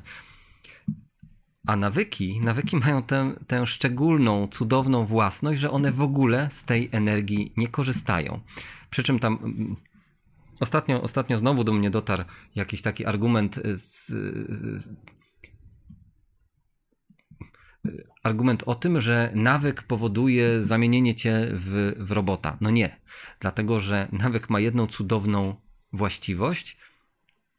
Nie jest, po pierwsze, można go wyłączyć, a po drugie, jest właśnie świadomy. To znaczy, nawyki my możemy możemy wyłączyć naszą świadomość, przełączyć ją na przykład wiążąc, wiążąc buty, możemy zastanawiać się w jaki sposób y, najszybciej dotrzeć na przystanek albo y, na tak abstrakcyjne i skomplikowane przy, y, problemy, jak y, na przykład jak, jak zarządzę zespołem, jakie zadania poprzydzielam, albo y, co zrobię pierwsze, albo co zrobię po powrocie z pracy, jak, jak ułożę dziecko, możemy równocześnie robić to, co to, co prowadzi nawyk i myśleć o czymś zupełnie innym. I to nas nie, nie zużywa nam energii, nie zużywa nam pamięci operacyjnej i nie, y, nie powoduje zmęczenia psychicznego. Natomiast y, drugą, drugą stroną jest takie, że jeżeli właśnie nie mamy nawyków, to stajemy się robotami, dlatego że wtedy wchodzą w grę już, jeżeli nie mamy nawyków, to musimy wszystko podejmować bardzo świadome decyzje Wyobraźcie sobie, że musicie podejmować decyzję przy wiązaniu sznurówki. Makabra. W ciągu y, paru minut od wstania bylibyśmy wykończeni, więc całe szczęście, że mamy te nawyki. I ten i, i nawyki, y, mówimy o, o, o wyczerpywaniu się siły woli. Siła woli to jest właśnie pamięć operacyjna. W ten sposób właśnie się między innymi bada to, czy wy, testuje y, osobniki ludzkie na to, czy, jak, mają, jak mają siłę woli, bo im daje się na przykład nierozwiązywalne puzzle y, i każe się je układać do skutku, po czym sprawdza się, w jaki sposób ta siła woli się regeneruje. Nikczemne bardzo badanie. Bardzo nikczemne, ale... No, albo, albo na szczurach, podejmuje... powinni na szczurach to najpierw robić. na, szczur, na szczurach też się robi, podobne. Y, dlatego, że daje mi się e, daje im się ścieżki do wyboru, tak? I one, one muszą podejmować decyzje. To, że ograniczamy ilość podejmowanych decyzji, powoduje, że, że mo możemy świadomie skupiać, skupić się na tych najistotniejszych. Wyrabianie nawyku powoduje de facto zwiększenie zdolności do samoregulacji, do, do podejmowania właściwych decyzji. Mówiłem o tym, że wyczerpujemy siłę woli. Jeżeli siła woli się wyczerpie, wpadamy w instynkty dlatego że nie jesteśmy, jeżeli nie mamy nawyku i wyczerpaliśmy siłę wody, to ostatnim zabezpieczeniem umysłu przed tym, żebyśmy y, wpadli w stupor, czyli stanęli i nie robili nic, są instynkty. Więc y, w tym, wtedy nie jesteśmy robotami. Nie, jesteśmy po prostu y, zwierzątkami. No ja na przykład jak widzę, jak czasem coś mój syn wyczaruje w dużym pokoju, to ja staję i nic nie robię. Bo budzą się w ciągu, instynkty. W ciągu sekundy wyczerpał twoją siłę woli, zdolności kognitywnej w ogóle. dokładnie tak. Ale, ale, ale, ale, ale... Dokładnie, dokładnie wchodzą ale coś instynkty. odwalił. Synu drogi, coś odwalił. Dokładnie. Y, ale y, okej, okay. Mówisz o nawykach, to mhm. czy mogę podać w takim razie taką fajną listę pozytywnych nawyków, pozytywnych przekonań, myśli, takich wiesz, rzeczy, które warto kultywować tak, sobie? pewnie, oczywiście. Mam taką naprawdę fajną listę, wynotowałem sobie trochę rzeczy i parę słów może o każdej z tych rzeczy powiem. ta lista nie jest od najważniejszej do mniej ważnej. Ona jest po prostu tak losowo, Chaotycznie rozrzucona. Losowe, losowe rzucanie, ale okej, okay, zaczynam. Myśl za to, za co sobie jesteś wdzięczny. Wdzięczność do siebie, czyli motywowanie siebie godnościowe. Jestem na przykład wdzięczny dla siebie, wiesz, na zasadzie to jest trochę mhm. takie ego, egoistyczne, no nie? Jakby łechtanie ale, siebie. Ale... Że jesteś wdzięczny na to, że na przykład zacząłeś ten podcast, albo jestem wdzięczny za to, że wstałem rano, no nie? Tam za różne rzeczy można być wdzięcznym. Dużo ludzi religijnych właśnie wykorzystuje to trochę w inną stronę, bo jestem wdzięczny Bogu za coś tam. I religijni mają, osoby religijne mają ten tekst per Bogu, a ty możesz egocentrycznie skierować to do siebie. Nie, ale nie musisz. Dlatego chciałem ci wrzucić, dlatego że w ogóle uczucie wdzięczności jest jednym z najmoc, z najlepszych dla naszego umysłu uczuć, dlatego że powoduje w nas przejście, łatwiejsze wchodzenie do takiego stanu e, flow, powoduje, że łatwiej odpoczywamy, powoduje, że jesteśmy bardziej skupieni, powoduje całą masę bardzo pozytywnych więc ta, ten negatywizm, o którymś mówiłeś, negatywny, negatywizm zabija to uczucie wdzięczności, tak? Bo, bo, no, bo, no bo jak? No jak wszystko się, wszystko się zaraz spapra, to za co ja mam być wdzięczny? Uczucie wdzięczności uwalnia nas, jest, jest takie wnoszące e, świeży powiew w nasze życie na bardzo wielu i to dowiodły badania. Uczucie wdzięczności jest najlepszym, najlepiej działającym na nas uczuciem, nawet wzbudzanie sztuczne Właściwie tak? nie, nie, nie, ma czegoś takiego jak sztuczne wzbudzanie emocji, bo one zawsze są prawdziwe, bo nasz mózg, jak żeśmy już wielokrotnie powtórzyli, jest głupi. Jesteśmy gadającymi małpami. I skończmy już, sk sk skończmy już y, mówienie o sobie głupi i gadające małpy. Okej. Okay. Natomiast faktycznie ta wdzięczność, wiesz, jakby y, co mi się podoba w byciu wdzięcznym sobie, a nie w tym kontekście religijnym, na przykład Bogu. Ale co, żonie nie jesteś wdzięczny? Jest. No jestem, ale kto kliknął play na przykład na podcaście? No, no Bóg czy ja? No ja. No to jestem wdzięczny, wiesz o co chodzi, jestem wdzięczny sobie, tak? Na tak, zasadzie tak. jakby też, też, też jakiś tam logiczny ciąg sobie znajduję w tym e, wydarzeń, więc... Yy... Że doprowadzi, swoimi decyzjami doprowadziłeś tak. do tego konsekwencją, yy, uczeniem się... Że kliknąłem play i na kliknąłeś podcaście. i poszło i jest. I myślę, że jak ten skalniaczek mi wyjdzie myślę, że jak ten skalniaczek mi wyjdzie, to będę sobie wdzięczny za styranie takie straszne, noszenie tych kamieni. Dajże spokój, wynajmiemy jakieś, jakąś koparkę, żeby to przenosiło. Chłopie, dajże. Jak Dobra. ty chcesz tam mieć, no mówiłeś, że tam chcesz, ja, ja chcę, żebyś ty tam miał, miał tam wodospad, bo ja się wtedy będę bardziej jarał i ci pomogę, a jak nie, to se sam rób. Wodospad, dobrze, to jest, zaczyna się robić nierealny ten pomysł. Dlaczego nie? Gdzie ja to zrobię? Z wodospadem działkę. A, dajże spokój. W górach mieszkamy. Okej. Okay. W każdym razie nawyk wdzięczności. W ogóle być, być sobie wdzięcznym, za co jesteś wdzięczny, co zrobiłeś w przeszłości yy, i tak dalej. Być wdzięczny ludziom, bo to ci otwiera na innych ludzi też. No i w tym kontekście dobrze jest myśleć to, już, to co już o tym wspomniałem, że twoja przyszła wersja ciebie, za co może być wdzięczna tobie, że zrobiłeś. Tak, może tobie podziękować. Za, za 20 lat podziękujesz sobie, że, no nie, oszczędzałem. Yy... Leszko, za co jesteś sobie wdzięczny? Nie, jestem sobie wdzięczny, dziękuję sobie za to, że zrobiłem to i to i to. Wiesz, fajna wizualizacja, fajne ćwiczenie, fajna rzecz, którą można... No, można, można się powołać reklamami, które teraz są e, dość mocne. Chociaż akurat tego rodzaju e, działalności jakoś nie, nie, nie polecam. Nie, nie, znam reklam, ale lećmy dalej w liście. Dawaj. Okej, okay. fajny nawyk, ustalać sobie cele krótko i długoterminowe i modyfikować je weryfikować listę swoich celów, bo one się zmienią w czasie, na pewno się zmienią, tak jak ty się zmieniasz, ale pamiętać tą listę i tak jak podpisujesz, y, dobrą, skuteczną metodą jest podpisywanie kontraktu z sobą bardzo precyzyjnego na takie tygodniowe interwały, żeby utrzymywać na przykład jakiś nawyk. O tak żeby go tworzyć. Tak, tak samo przeglądanie listy celów krótkoterminowych i długoterminowych jest dobrym pomysłem. Posiadanie tych list dostępnych gdzieś pod ręką, żeby przypominały, wiszących na ścianie, co chcę osiągnąć, jest super. Dla, y, może bo było o tych celach, to podsumujmy. Cele krótkoterminowe utrzymują nas i, i analizowanie ich utrzymują nas w wybranym kierunku, bo robimy to planowo, nie, nie, nie robią nas z nas chaotycznych zwierzątek.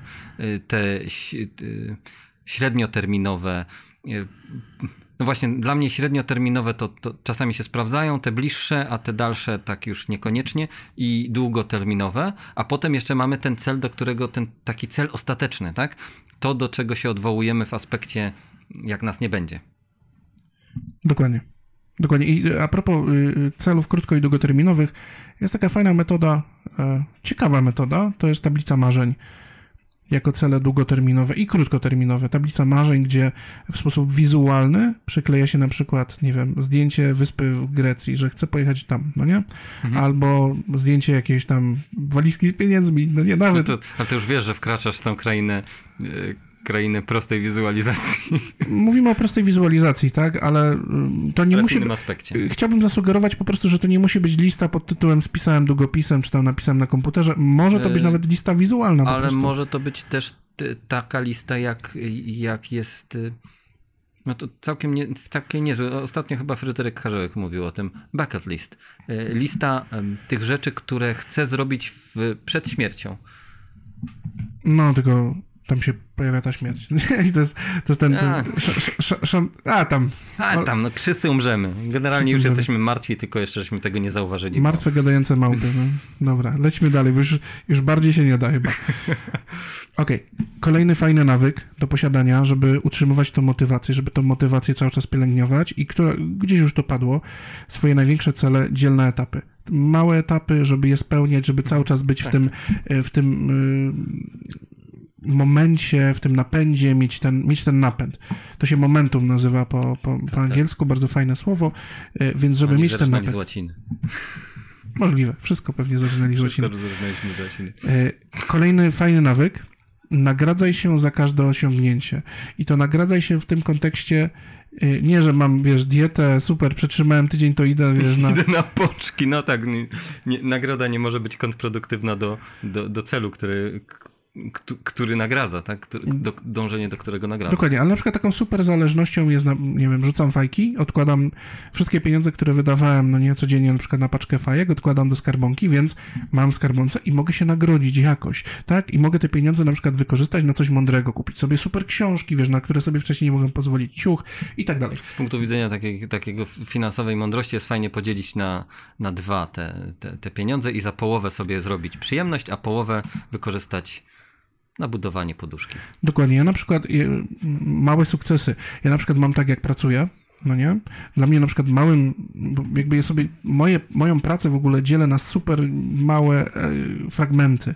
I dla mnie na przykład takimi etapami, interwałami jest dzień. No nie? Jest, dzień jest takim podstawowym moim interwałem i sukcesem w dniu jest w momencie, gdy wykonam jedną rzecz taką istotną, która tak. prowadzi nas do, prowadzi mnie do celu. Ja nie, ja, jakby mam tam w swoim systemie takim e, produktywności dwie, trzy rzeczy z reguły wpisane, ale jak zrobię już jedną rzecz, tą koronną... To jest, to jest dzień zaliczony. I tak. mogę się nagrodzić.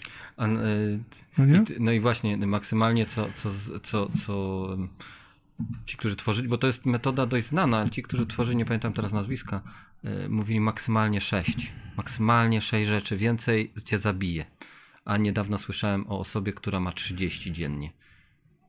Ja nie wiem, jak to działa. Znaczy, wiesz, bo jak, jak rozpiszę takie subdziałania swoje, tak, na zasadzie odpisać na tą ofertę czy coś, to oczywiście ich będzie dużo więcej, ale ja mówię o jednej takiej Tak, kluczowej rzeczy. I na przykład dla mnie jedną kluczową rzeczą jest skończenie scenariusza, napisanie go od A do Z. Na przykład inną rdz- rdzenną rzeczą to jest nagranie ścieżki dźwiękowej i obrobienie jej. No nie? To są takie, albo na przykład, wiesz, jakieś kluczowe spotkanie z klientem i negocjacje, no nie? Wiesz, in, inaczej też podejrzewam, e, planujesz takie kluczowe rzeczy jesienią, kiedy wiesz, że masz zniżkę, a inaczej na, na wczesnym latem, kiedy wiesz, że masz high. Tak, bo jesienią, jeśli mam zniżkę, robię tą jedną kluczową rzecz i idę sobie na pole. Czy na, czy na dwór, jeśli słuchacie nas w innym regionie Polski, pole i dwór jest tym samym.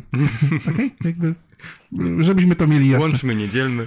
Ja nie wychodzę na pole robić sianokosy, ani... Chociaż wszyscy, wszyscy wiedzą, że pole i tak jest lepsze, bo to jest logiczniejsze i matematycznego punktu widzenia. To się trzyma kupy, a na dwór dajcie spokój. Żartowałem, ja jestem z Krakowa.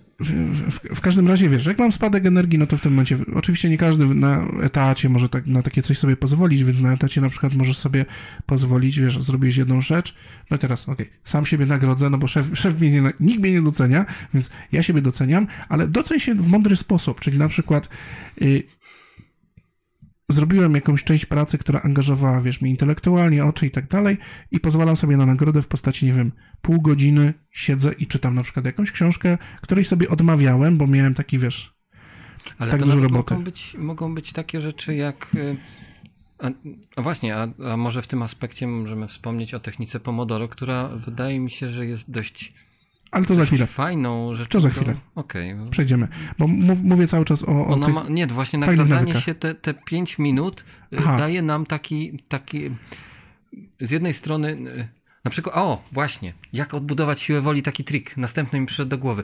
Y, Interakcje dla znacznej części badanych, interakcje społeczne, czyli ploty i, i oglądanie, i zastępnik za nie.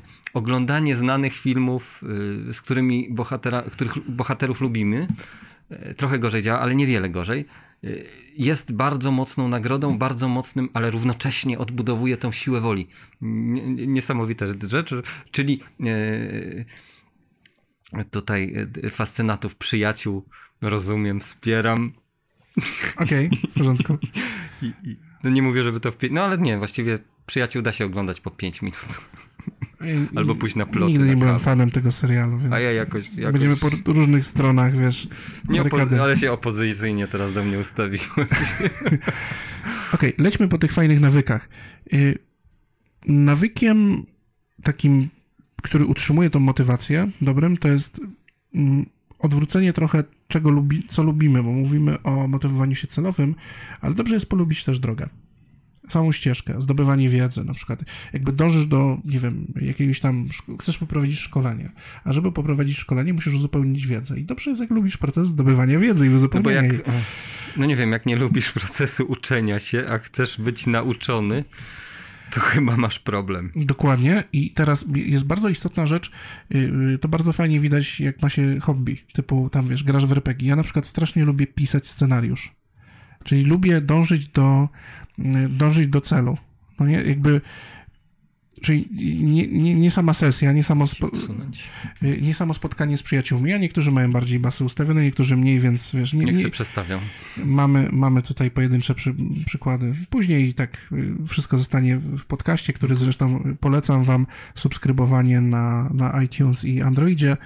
Y, Na przykład na podcast Addict, na takiej aplikacji y, naszego podcastu. Tam już dźwięki wszystkie są trochę bardziej znormalizowane. Adi Bie- Bielo nas tu polecał już. Ale Dokładnie, ale no, no i właśnie polubienie procesu dążenia do celu. Ja na przykład uwielbiam pisać scenariusz do RPG i analogicznie, wiesz, ja, jeśli chodzi o animacje, które wychodzą, mnie aż tak bardzo, znaczy lubię, wiesz, gotowy rezultat, czyli dźwięk połączony z rysunkami, ale nie tak bardzo mnie kręci cały rezultat, doj, e, cały etap dojścia, czyli pisanie scenariusza mi się bardziej podoba niż oglądanie gotowej animacji. I to jest super, bo, bo jakby ja, ja naprawdę lubię pisać te scenariusze. Ja, ja lubię, e, wiesz, ja lubię ten proces rozbijania, wyjaśniania, tłumaczenia, które musisz w tą, no i, no i czasami tutaj Leszek mnie musi hamować, bo ja to jakbym powyjaśniał, To. Jak ty czasem... Nie wiesz, można, nie można domknąć tego scenariusza, bo jeszcze tutaj jest taki niuans, słuchaj, to... Ale nie, on jest bardzo ważny. Zawsze. Wszystko ważne. Właśnie to trzeba się zdecydować, co jest w życiu ważniejsze, a co jest mniej ważne, Ryszard. Dziękuję. Od, te, od tego jestem ja. Jest masz Kolejny nawyk. Y, Dobrze jest myśleć o tym, co pojawi się na drodze do celu. Czyli jakby rozbijanie drogi do swoich marzeń to jest jedno, ale na, na konkretne etapy, co trzeba zrobić. Ale dobrze jest też wiedzieć, co się może stać złego. Mhm. Na zasadzie, ale nie na takim, wiesz, sie- sieniu sobie defetyzmu, tylko, wiesz, jeśli rozpisujesz sobie y, drogę do swoich marzeń, do, swoje, do tego, co chcesz zrobić i, i to już jest twój nawyk, to, to nie zapomnij o tym, że po drodze coś się może spierniczyć. I wiesz, i dobrze Jeżeli jest... cel jest, cel jest wystarczająco odległy i wystarczająco warty, to najprawdopodobniej coś się spierniczy, bo Dokładnie. I do tego ci się przyda wizualizacja, o której już wspomnieliśmy, żeby, żeby poradzić sobie z tym, żeby nie wpadać w tak głęboki defetyzm, żeby móc sobie poradzić. No ale ci, którzy teraz dołączają, o wizualizacji posłuchają sobie, odsłuchując tro- Tak. chyba pół godziny Ale wcześniej. jeszcze żeśmy mówili o tym, o tym, żeby sobie, żeby oswajać te rzeczy, ale znowu tu się pojawia ten wątek, żeby wyobrazić sobie, co najgorszego może się stać. Takie, y, jak, jak to się, u stoików jest to metoda e? Myśl, rozmyślanie na, na najgorszym, tak pięknie brzmi po łacinie, zapomniałem w tym momencie. Ale właśnie takie, co się najgorszego może stać? No, y, i wtedy już jesteśmy na to jakoś gotowi, bo może się okazać, że to najgorsze, e, najgorsze a realne nie jest wcale takie, takie jakieś destrukcyjne, nie jest takie złe i możemy, możemy to przeżyć. Jedna z takich, y, kolejny dobry nawyk. Nie każ się za niepowodzenia. I teraz No to, jest, to, jest, to, to jest właśnie, to, to jest dopełnienie tego, co mówiliśmy o nagradzaniu. oglądałem mecz w, wczoraj, Polska-Portugalia. Słaby mecz jak cholera, ale powiem ci, że y, to bardzo dobrze widać u piłkarzy, że piłkarze sami siebie karzą za niepowodzenia, typu, wiesz, y, coś im nie wyjdzie, jakiś strzał i potem jest najazd, realizator, wiesz, zrobi najazd na piłkarza, pokaz- pokazuje jego twarz, temu, któremu co- coś nie wyszło i tam nieme widzisz no nie jakieś przekleństwo, wiesz, obniżanie głowy, sylwetki, walenie się ze złości po głowie, czy tam wściekłość, jakaś złość, zaciśnięte zęby. Oni się karzą za, nie, za swoje niepowodzenia i ob, podwyższają poziom kortyzolu, obniżają swoje, wiesz, hormony, adrenalina. Yy, A bardzo, bardzo fajnym jest, y, jest działanie w nie... Są dyscypliny, w których właśnie niepowodzenie y, y, na tym poziomie biologicznym nie nagradza się, ale y, ktoś, kto zro, no, zrobił coś, coś, coś pakowało, nie podniosło rangi zespołu, jest wcielany, włączany, przytulany do podnosi mu się ten poziom oksytocyny, obniża poziom kortyzolu. Może to też, też jest dobre, dobre działanie. Znaczy wiesz, no to przede wszystkim nie sprzyja skupieniu. No nie? Jakby te, tego typu demotywowanie się, ale przede wszystkim karanie się za niepowodzenia. Trze- Trzeba, właśnie, reframing się przyda w tym miejscu, no nie? Dobrze jest o niepowodzeniach myśleć jako o elementach składowych drogi do, do po Cze- prostu czegoś się nauczyłem. celu. Czego się nauczyłem. Wiesz, te niepowodzenia, z reguły większość niepowodzeń nie jest w cudzysłowie terminalna, czyli No, nie skazuje na kompletną porażkę całego projektu, wiesz, w którym, w którym bierzesz udział, tylko no, są trudności, wiesz, podwyższa się poziom To tak, trudności. jak, to, tak jak Jordan y, opowiadał o, o swoim sukcesie, zawsze w perspektywie tego, że on wcale nie miał jakichś rewelacyjnych y, wyników totalnie, tylko po prostu podejmował wystarczającą ilość prób, y, które były skuteczne. I statystyka stała za nim w tym momencie, no nie? Tak. Przy dużej ilości prób, e, ilość tych udanych jest. Wystarczająca, żeby, wystarczająca, żeby wygrać. No i imponująca, to jest na pewno. W każdym razie karanie się za y, niepowodzenia no jest kontrproduktywne i, i lepiej je akceptować, że one są, zdarzają się, no i wymagają dzięki temu korekty ścieżki. I to jest dobry nawyk. Kolejny nawyk, rób sobie przerwy. No to, to, to, to, co, to co już żeśmy zaczęli o, o metodzie Pomodoro, przerwy, y, co, co tam robić, ale to też jest to, y, że właśnie przewid- musimy przewidzieć, że nie jesteśmy w stanie. to trochę, trochę odbiegnę, ale żyjemy w czasach, w którym ten ośmiogodzinny dzień pracy stał się przeżytkiem. Ile, ile według ciebie na przykład e, handlowiec jest w stanie pracować efektywnie w ciągu dnia? Wydaje mi się, że 5-6 godzin to jest. 5-6 na rdzeniu swojej pracy, czyli rozmowie tak. z klientem. To jest maks. Ale to, to też są wymiatacze. Wydaje mi się, że, że, że no nie, łącznie 5, z, obsłu z, obsługą taką, że rozmawiam, e, obsługuję, e, realizuję potrzeby albo łatam jakieś dziury, e, to, tak. jest, to jest to.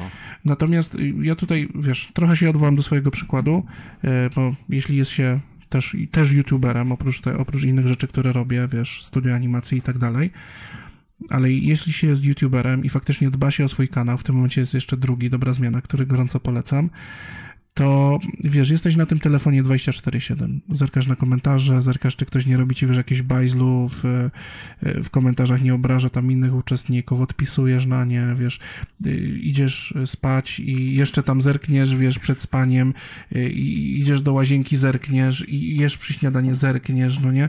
nie da, wiesz, masz 24-7 nad tym, próbujesz mieć nad tym kontrolę, patrzysz, czy wyświetlenia się zgadzają, y, czy YouTube nie zdemonetyzował ci jakiegoś filmu, wiesz, tysiąc różnych rzeczy. Po prostu gdzieś tam planujesz, myślisz, a ktoś tam wrzucił jakiś nowy film, ciekawy temat, wiesz, robisz sobie notatkę na ewentualnie zrobienie czegoś podobnego, chcesz kogoś zaprosić na podcast i tak dalej. Wiesz, 24 na 7, autentycznie tym żyjesz, wiesz, wyjeżdżasz do sklepu i, i wiesz, i siedzisz w przymierzalni, i czekasz, czekasz na, na, na, nie ty przymierzasz, no nie, tylko czekasz na, te, na, na siedzeniu, wyciągasz telefon i mimowolnie sprawdzasz i wiesz, odpisujesz na jakiś tam komentarz, lecisz jakąś tam, wiesz, awanturę po prostu toczysz pod jakimś filmem, bo ktoś akurat mylnie zinterpretował fragment animacji i musisz mu pokazać, że się myli. Więc wiesz, jakby żyjesz tym I, i to jest męczące. I robienie sobie przerwy w tym kontekście to jest na przykład wyznaczenie sobie godziny bez telefonu już kompletnie. To jest jakby pierwsza rzecz. Druga rzecz jest taka, że zrobienie sobie weekendu bez telefonu, na przykład bez w ogóle kontaktu z, e, z, z kanałem, z tym ile, ile było wyświetleń i czy animacja się, wiesz, sprawdziła, czy się nie sprawdziła. No.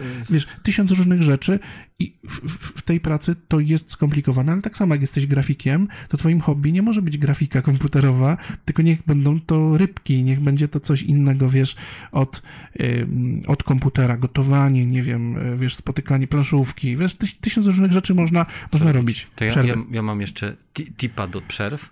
Już mu, y, podałem jednego, że te, y, że plotki i, i socjalizacja, ale drugą rzeczą jest zieleń.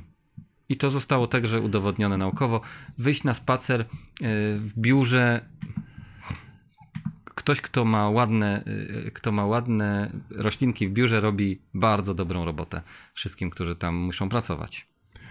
No, widzę, że tutaj czat właśnie pisze, trzeba sobie znaleźć inną pracę, wtedy YouTube będzie dodatkiem, tylko że YouTube dla ludzi, którzy są e, YouTuberami jest całą pracą.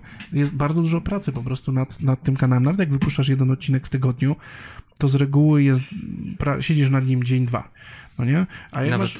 nawet blog, jeżeli jest y, tak jak Michał Szafrański, y, wypuszczał długie, bardzo merytorycznie, dogłębnie, dalej wypuszcza przygotowane treści, no to, to, to on mówił, a na dodatek samo wypuszczenie no może zajmuje y, przygotowanie i tak dalej 10 godzin, ale 4 do 5 razy tyle czasu zajmuje promocja i marketing tej treści. No i panowanie nad komentarzami, właśnie. No tak, obsługa, tak? Obserwowanie tego obsługa, dokładnie, więc wiesz, no, ja, ja, prowadzę y, działalność, firmę, wiesz, studio animacji, które jest niejako tożsame z tym, co robię też na YouTube, więc y, ja w tym po prostu cały czas siedzę i muszę robić sobie przerwy i wszystkim polecam sobie robić przerwy, nawet jak wasz szef pracy po prostu, wiesz, okiem zerka y, ostrym, to być może nie rozumie tego, że ty potrzebujesz przerwy, więc wiesz, umiejętność symulatora pracy, którą tak krytykowałem w jednym z podcastów, to nie jest zła umiejętność, kiedy wiesz, starasz się zarządzać racjonalnie sobą, żeby się nie spalić, jeżeli żeby się robisz, nie zniszczyć. Jeżeli to robisz racjonalnie, jeżeli to robisz fair, to jak najbardziej, no bo z kolei ktoś, kto e, wymaganie od kogoś pracy mm, pod nadzorem i e, bez przerw jest mobbingiem karalnym w Polsce. Fajnym, to jest fakt, e, fajnym nawykiem to jest jakby chciałbym rozróżnić tutaj bezczynność od nudy. Nudzenie się jest ok, ale bezczynność jest, e, jest y, słaba, bo jak się nudzisz, to coś robisz, ale jak jesteś kompletnie bezczynny, to, to pojawia się pe, pewien kłopot i y, takim fajnym nawykiem jest faktycznie znajdowanie sobie zajęcia. Ale zajęcia w tym kontekście, że nawet jak sobie odpoczywasz, i pozwalasz sobie na nudę, to w nudzie pojawiają się jakieś, wiesz... Ja myślę, że dorośli ludzie raczej mało się nudzą. No nie wiem, mogą się zamyśleć nad czymś, mogą medytować. Natomiast, znowu się odwołam do badań, nuda jest potrzebna osobom y, przed 24 rokiem życia. A potem już nie. Y, potem, nie potem ona nudzić. zanika chyba troszeczkę. Znaczy ja się, ja, przepraszam, ale ja nie pamiętam, kiedy się ostatnio nudziłem. Na, nawet muszę sobie wy, wytyczać jakieś ramy, żeby trochę myśleć o niczym. Nie o niczym. Nie, to jest bardzo ciężkie myślenie o niczym, o niczym. Bo to jest. Natomiast to, to poczucie nudy, to bycie znudzonym jest bardzo istotne dla kształtowania się głównych zrębów naszej psychiki i dla kształtowania się zdolności koncentracji i decentracji. W, w tym bardziej dojrzałym, te, te podstawowe mhm. zdolności mm. wykształcają się koło trzeciego, koło trzeciego roku życia, od pierwszego do trzeciego roku życia. No i natomiast te, te bardziej zaawansowane, kiedy myślimy o ideach, kiedy myślimy o jakichś abstrakcyjnych rzeczach, wykształcają się później. Dlatego dzieci tak bardzo nie lubią się nudzić. I tak bardzo dobrze byłoby, żeby jednak trochę się ponudziły, przynajmniej raz w tygodniu przynajmniej, żeby YouTubek nie zapychał wszystkiego. Dokładnie. I y, kolejna rzecz to jest umiejętność, y, taki nawyk odcinania się od y, szumu, od bodźców, czyli nauczenie się skupienia takiego właściwego. I teraz jest bardzo ciekawa w ogóle ścieżka, o której powiem Ci bardzo szczerze, absolutnie nie wiem w jakiej książce to czytałem, ale zaszyte mam to tak głęboko, wiesz, w świadomości, Y, jako bardzo ważną myśl. I jeśli spędzisz dzień, w którym y, robisz wszystko i nic, w którym robisz masę głupich rzeczy bezcelowych, wiesz, y, nie realizujących twoich dużych celów, ma, małych celów, dużych celów, nie wspierających. I zaczniesz tak dzień, przejdzie ten dzień, minie i kończysz dzień pracy w rozsypce, to wieczorem będziesz faktycznie wpadniesz w taką bezczynność. I właśnie jeśli ten dzień spędzisz bez skupienia przede wszystkim na swoich celach, tak? Na zasadzie nie zaczniesz robić rzeczy, które prowadzą cię do twoich celów. Ja mam wtedy wieczorem taki straszny żal do siebie. Tak, a jeśli zaczniesz robić rzeczy duże, i to jest ta rzecz, którą wyczytałem, jeśli y, zaczniesz robić rzeczy wspierające, y, może nie jakieś wielkie projekty, ale y, robisz te projekty, dążysz do czegoś, do czegoś znaczącego i jesteś w tym skupiony i zrobisz te dwie, trzy rzeczy w dniu i tyle, to wieczorem masz, wpadasz w taki stan, i to jest ciekawe, bo ja to u siebie idealnie zaobserwowałem, że wieczorem masz ochotę snuć plany dalekosiężne, że masz taką wizję, ok, to wyszło tak, tak, mam takie poczucie pewności siebie wysokie wieczorem i myślisz sobie, ok, pójdę i teraz zwojuję świat. I to jest super potężna E, potężna rzecz, która jest zaszyta w nawyku skupienia, czyli umiejętności od, odseparowania się od szumu, od, e, wiesz... Wybrania, gdzie patrzysz? Ja pamiętam, jak 10 e, lat temu zajmowałem się grafiką. Gdzieś 10 lat temu pierwszą, pierwszy raz odkryłem to, jeszcze nie interesując się za bardzo rozwojem osobistym, ale gdzieś to odkryłem. Kto, właśnie gdzieś to przeczytałem, cholera wie gdzie. Ale zajmowałem się grafiką komputerową. Do grafiki wtedy nie potrzebowałem internetu. A internet mi mega przeszkadzał, wiesz, na zasadzie wtedy się tam rodził YouTube, yy, wiesz, już było masę tych yy, rozpraszaczy wszędzie, no nie? Wyłączałem internet w komputerze i nagle, wiesz, gadu-gadu wtedy, co jeszcze było i te wszystkie, wiesz, komunikatory, wszystko to umierało. Była cisza, byłem tylko ja i program graficzny. Mm, wiesz, jak to podnosiło moją produktywność? Oczywiście. I, I pod wieczór snułem plany. I to było super, to było tak po prostu e, rewelacja. No, bardzo, wiele, bardzo wiele osób, które są produktywne, które pracują nad produktywnością, e, twórca Nozbi, e, Michał Szafrański już dzisiaj wspomniany, mówią właśnie o tym magicznym sposobie pracy z koncentracji, wyłączyć wszystkie przeszkadzacze. Skupić się na tym. No, czasami trzeba wyłączyć kolegów, bo, bo jak ktoś ci się snuje po open space'ie, No, ale to, to już mówimy o, wiesz, o jakby... Musicie wziąć filtr do tego, że, wiesz, my podajemy da, rady w pewnym zakresie dość szczegółowe, ale nie uwzględniające waszej specyfiki pracy. Oczywiście, jeśli ktoś z was pracuje na magazynie, no to będzie wam ciężko realizować wasze życiowe ambicje, to jest fakt. I ja się często oczywiście spotykam z zarzutami takich osób, które wiesz, pracują tak, w jakichś takich miejscach. Zarzut.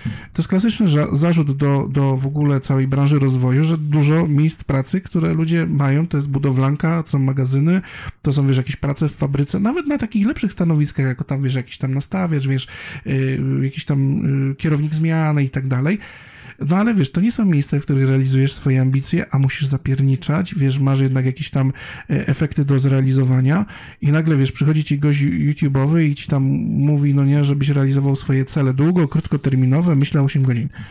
I, I to jest oczywiście zarzut do rozwoju osobistego. E, on nie uwzględnia twojej sytuacji, ale nie oczekuj, że my czy w ogóle jakikolwiek, jakakolwiek osoba zajmująca się rozwojem osobistym będzie chciała ponosić odpowiedzialność za twoje decyzje życiowe. Jeśli twoją decyzją życiową jest praca w tym i w tym miejscu, no to okej. Okay. Tylko wiesz, to też... To, to bez, bez deprecjacji y, y, jakiej, jakiejkolwiek osoby, tylko no po prostu jeżeli...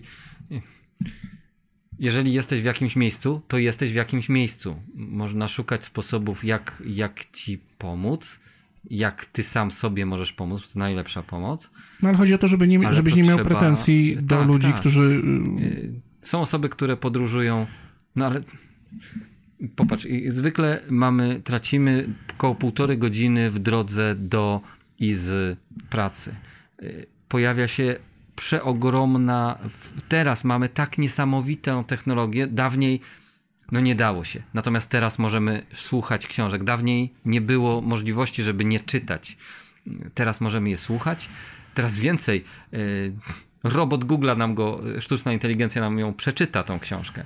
Yy, można zainstalować sobie aplikację Pocket, zaznaczyć tam wszystkie strony, które nas zainteresowały i przez te półtorej godziny można oczywiście, będziemy z tego bardzo szczęśliwi słuchać na przyspieszeniu najlepiej podcastu Dobra Zmiana. Dlaczego na przyspieszeniu? No bo wtedy się więcej tych treści mm, posłucha, a, a my generalnie podcasterzy mówią w miarę szybko, ale jednak to jest zbyt wolno dla mózgu, można spokojnie słuchać półtora raza szybciej. Poza tym można, poza tym można jeszcze wrócić z tej, wiesz, y, fabryki, z tego miejsca, w które nie realizuje twoich celów życiowych. To jest fakt.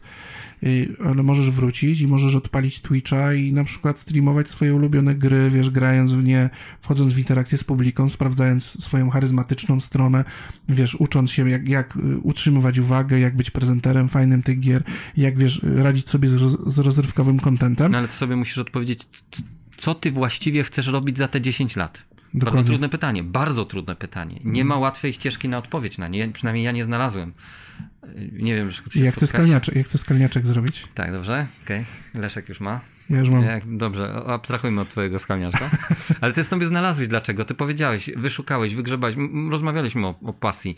E, wystrugałeś sobie, że chcesz po pierwsze tobie energię daje przemawianie, po drugie tobie energię da, daje szukanie i, i, i tworzenie treści i, i, prezentowanie ich i to cię, to cię napędza. Mnie napędza uczenie innych, tworzenie, tworzenie jakichś takich y, rozległych planów, strategii, y, planowanie, patrzenie jak to wszystko przepływa i oprócz tego jeszcze właśnie uczenie się. To,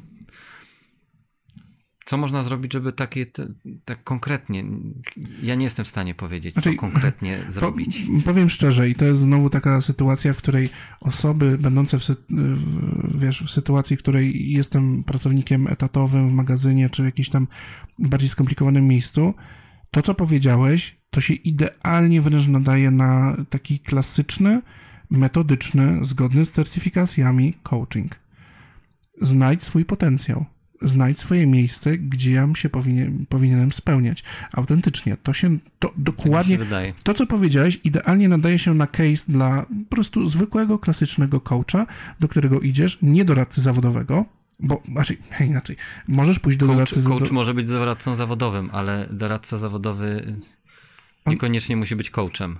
Bo on będzie pracował też nad twoimi przekonaniami, e, coach, wiesz, będzie ci trochę, tro, trochę w inny sposób pomagał, bo doradca zawodowy ci powie to, co większość doradców zawodowych ci powie i idź najbardziej optymalną ścieżką rzeczy, które cię kręcą, może ci zrobić jakiś tam test typu NeoPR, y, czy, czy, czy wiesz, jakieś inne techniki, z, na przykład oparte na Wielkiej Piątce, możesz pójść tą ścieżką, jak najbardziej to będzie metodyczne i zgodne tam z test Galupa sobie rozwiążesz, widzisz, i dowiesz się jaka jest twoja specyfika. Jakie są twoje możliwości, ale co nie, nie jest złe. Wiesz, i ktoś ci powie, kim jesteś, ale nie znajdziesz tej motywacji, a coach ci trochę pomoże popracować wiesz, z wewnętrznymi przekonaniami i dzięki temu e, zrobisz tych kroków trochę więcej. Więc to, co powiedziałeś, idealnie nadaje się na coaching, co znowu osoby, które są w tej pułapce tych takich naprawdę y, pracy, która ich trochę wypala, wyniszcza, wiesz, niszczy ich ambicje i tak dalej, one potrafią być cyniczne i odrzucać, y, wiesz, ad z góry, a priori, odrzucać po prostu całą ideę a, coachingu moje, No bo jak ja tu zrobię, bo jestem taki nie, powiedzą coachingowe pierdolenie i koniec. I po prostu zamkną przeglądarkę. No ale nie, niektórzy, niektórzy tu komentują pod, pod, pod filmami właśnie tak w stylu, a co dla... Te... No, no jeżeli jesteś w ciemnej piwnicy i ktoś cię zamknął w niej i wyrzucił klucz, to jesteś w ciemnej piwnicy, ktoś cię w niej zamknął, wyrzucił klucz. No i sorry. Można no. ci współczuć, ale Chodzi mi o to, że, że nie warto mieć pretensje do ludzi, którzy próbują coś zmienić, tak? Idea dobrej zmiany, Kaizen, dobra zmiana małymi krokami. Jeżeli nie masz energii, to zdobądź energię. No właśnie Kaizen, małe kroki. Znajdź swoje małe kroki. Co możesz zrobić? Co mogę, jak mogę dzisiejszy dzień uczynić lepszym od wczorajszego? Takie pytanie na rano na wieczór. Co mogę zrobić dzisiaj wieczorem, przygotowując się do jutrzejszego, żeby jutro mi było łatwiej zrobić go lepszym od dzisiejszego? Z tych nawyków, Ryszard, bo zaczęliśmy fajnie od, wiesz, no ale zaczęliśmy fajnie, mięciutko od, wiesz, wdzięczności, od ważnego nawyku, takiego miękkiego, ale mamy kolejny nawyk, żeby traktować wszystkie rzeczy, które ci się przytrafiają jako narzędzie. Czyli y, znowu nawyk pragmatyczności. Jakby y, ja mam taką taką zasadę, kontaktach międzyludzkich pragmatyczną, na zasadzie myśląc jak, jako przedsiębiorca. Mam taką pragmatyczną zasadę zawsze sprzedawaj. A to oznacza trochę w zimny sposób, że staram się patrzeć na relacje, wiele pryzmatów widzę, ale mając ustabilizowany związek, no nie, ja już patrzę się na relacje międzyludzkie, zawsze sprzedawaj. Czyli patrz pod kątem tego, no to też można, też co mogę wynieść z tej działalności dla swojej działalności, y, tej znajomości dla swojej działalności. Tak, na tej zasadzie. To tak, to tak zawężasz, bo czasami, czasami działalność daje nam energię, czasami jakaś relacja daje nam energię, tak? Czasami na, jakaś relacja... Tak. Szerzej Więc, możesz. Mhm. Okej, okay, można, nie można, bo niektórzy mogą to zrozumieć e, tak jak e, Marcina Osmana, też niektórzy rozumieją bardzo tak, ciśnij, ciśnij, no, no, nie do końca, trzeba trochę, trochę głębiej wejść w to, co on mówi. Zawsze sprzed... On też mówi, zawsze sprzedawaj, zawsze sprzedawaj, ale w takim znaczeniu, że zawsze wynoś korzyść z tego, co robisz. Tak. Skup się na tej korzyści, bo jeżeli będziesz marnotrawił to, jeżeli będziesz to marnotrawił, to nie, nie dasz rady innym dać tego, co jest wielkie, a ty masz, się, masz, masz realizować swój cel, ten wielki cel, za który cię będą pamiętali, tak? No, no jakby się no, jakby tam nie kombinował, jak tą arkę zbudować, to by jej pewnie nie zbudował, bo dość duża była. No. No tak, natomiast y, tak, bo tu, tu, trzeba podejść w sposób zniuansowany. Ja podałem oczywiście jedną ze swoich tam takich kluczowych zasad, czyli wszystko jako konstruktywne narzędzie. Ja mam ten pryzmat ten pryzmat sobie objąłem, ale to nie znaczy, że ja podchodzę, wiesz, do wszystkich relacji na zasadzie, co by mu tam wcisnąć, wiesz, i, i jakby nie, z sprzedażową gadką podchodzę, tylko bardziej chodzi o to, żeby za każdym razem, mm, każdorazowo mm, dobrze zaprezentować swoje dzieło, tak, co robię. Kim ty y, jesteś. Kim ja jestem. Nie deprecjonować, wiesz, siebie, tego, co tworzę. Y, ja na przykład dostrzegłem, bo jest ogromna różnica między ludźmi, którzy wyznają zasadę podświadomie bądź świadomie zawsze sprzedawaj, a ludźmi, którzy y, często posługują się taką fałszywą skromnością, żeby y, zyskiwać o, jakiś społeczny sobie kanalik na YouTubeku strugą. No nie, zarąbisty, Ryszard, nie, zarąbisty. no takie, takie malutkie, sto, sto kilkadziesiąt tysięcy osób. No ale celowo to robisz, żeby wiesz, ktoś cię, ktoś cię zaczął chwalić, tak jak dziewczyny mówią, że jestem gruba, tylko po to, żeby usłyszeć, nie, wcale nie jesteś jesteś, wiesz, przestań, No. Kasia, przestań tak mówić, że jesteś gruba, no nie. W zasadzie, I to jest właśnie szukanie atencji, ale umniejsza, to jest umniejszanie sobie. I to nie jest zawsze sprzedaj, to jest szukaj atencji. To nie jest zawsze sprzedaj. Zawsze sprzedaj to jest, okej, prezentuję się dobrze. Ja o tym nie muszę mówić, ale ja chcę się prezentować dobrze. Co będzie, jak ktoś ci nie zaprzeczy przy takim, przy takim szukaniu atencji? Pierwszy raz przeżyjesz, drugi, Ale tak, jest- trzeci, tak, a czwarty twój głupi mózg stwierdzi, o, prawda, To jest technika pro- prowokatywna i to jest takie droczenie się, ale bywa też złośliwe oczywiście, ale jest to jakaś tam prowokacja, która sprawia, że e, rozbrajasz tą bombę atencyjną. Po prostu momentalnie przycinasz wszystkie kabelki naraz, bomba nie wybucha, wiesz, nie dostajesz żadnej atencji i nagle jest dziwko. Więc przestaje robić przestaje No robić też, tą rzecz też, też nie można karać, bo tutaj karać w ten sposób, nie, na przykład, no gruba jestem, Y, nie, nie, nie jesteś, tylko nie siadaj mi na kolanach, bo mnie potem nogi bolą.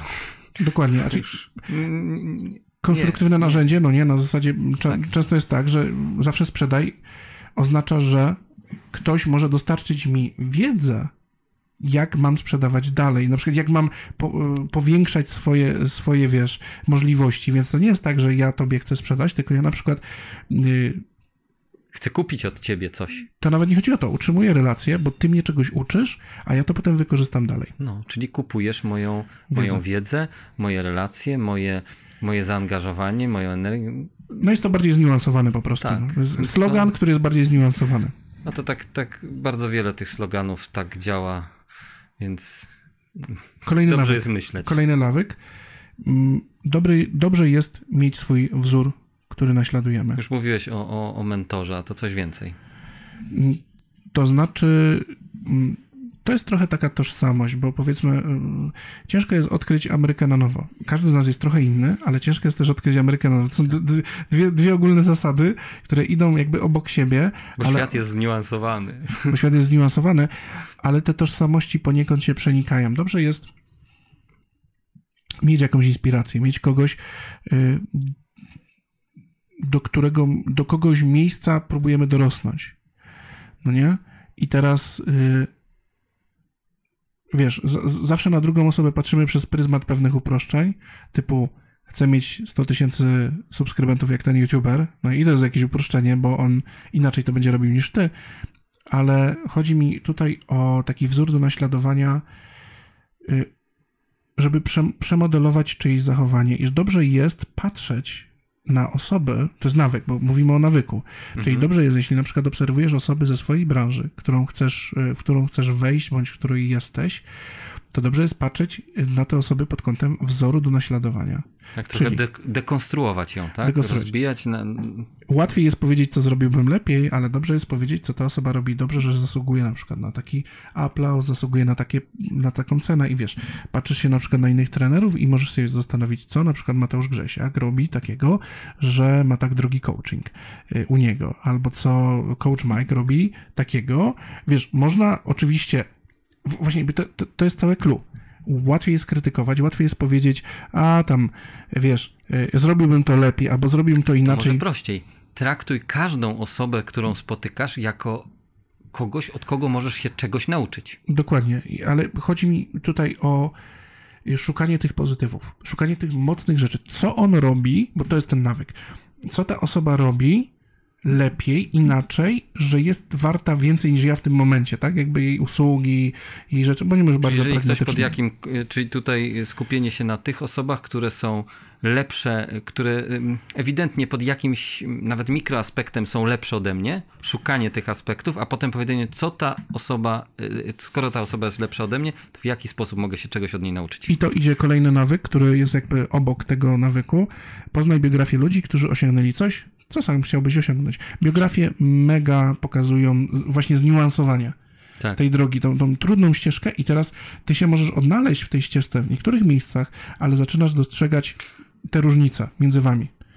Tak, ja, ja ostatnio przeczytałem kilka, kilka biografii i y, z, bardzo dużo osób, które odniosły duży sukces, bardzo dużo zapłaciło za ten sukces. I, i to widać, dobre biografie to pokazują, i wtedy to nie chodzi o to, żeby sobie storpedować od razu myślenie o, o, o sobie pełnym sukcesu, tylko żeby, żeby wiedzieć, ile jestem w stanie mm, zapłacić. Chyba Dokładnie. nawet Gary.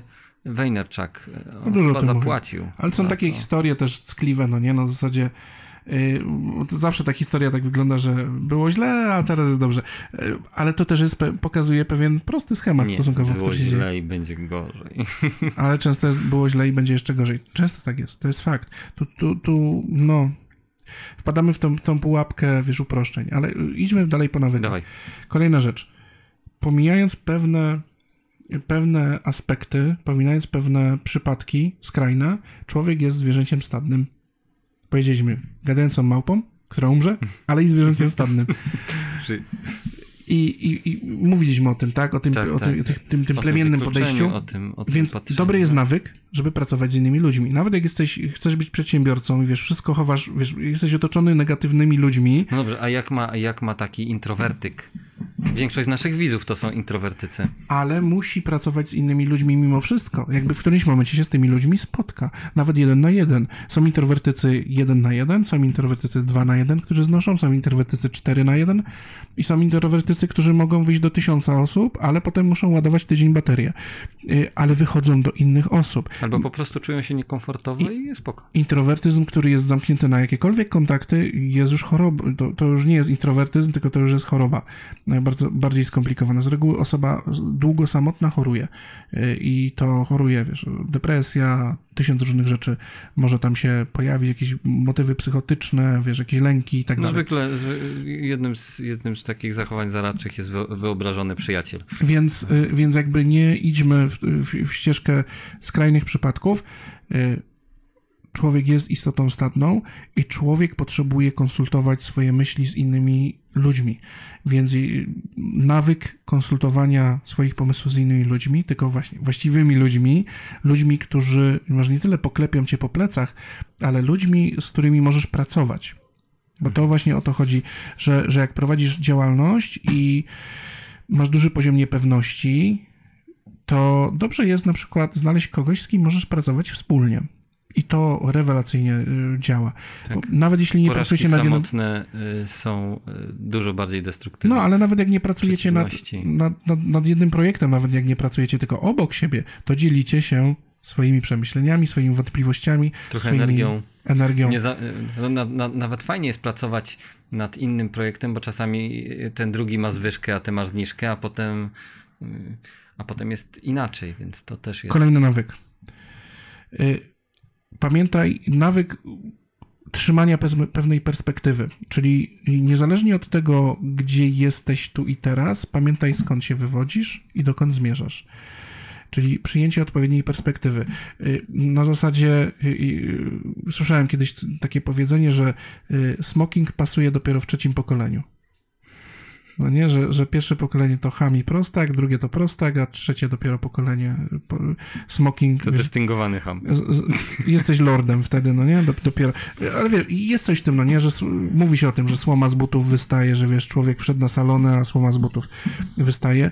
Y, czyli pamiętaj skąd się wywodzisz, no nie? Że, że mimo wszystko, wiesz, jak jesteś ze wsi, sorry, no to masz pewne, pewien, możesz mieć pewien sposób postępowania bardzo charakterystyczny, który na przykład ludziom z miasta, znowu sorry, bo może by, wydać się Miejs, miejskie ludy też są. i miejskie jakieś takie, wiesz, teksty, zagrywki. No wiesz, no ja wychowywałem się w Bielsku Białej. To nie jest duże miasto. I wiesz, jak czasem słyszę wielkomiejskie teksty i wiesz, wielkomiejskie nawyki, wiesz, sposoby postępowania, no to patrzę na to krytycznie. Jakby w sensie mam odbiór negatywny y, takiej wielkomiejskości. Potrafię, jakby potrafię to w sobie dostrzec.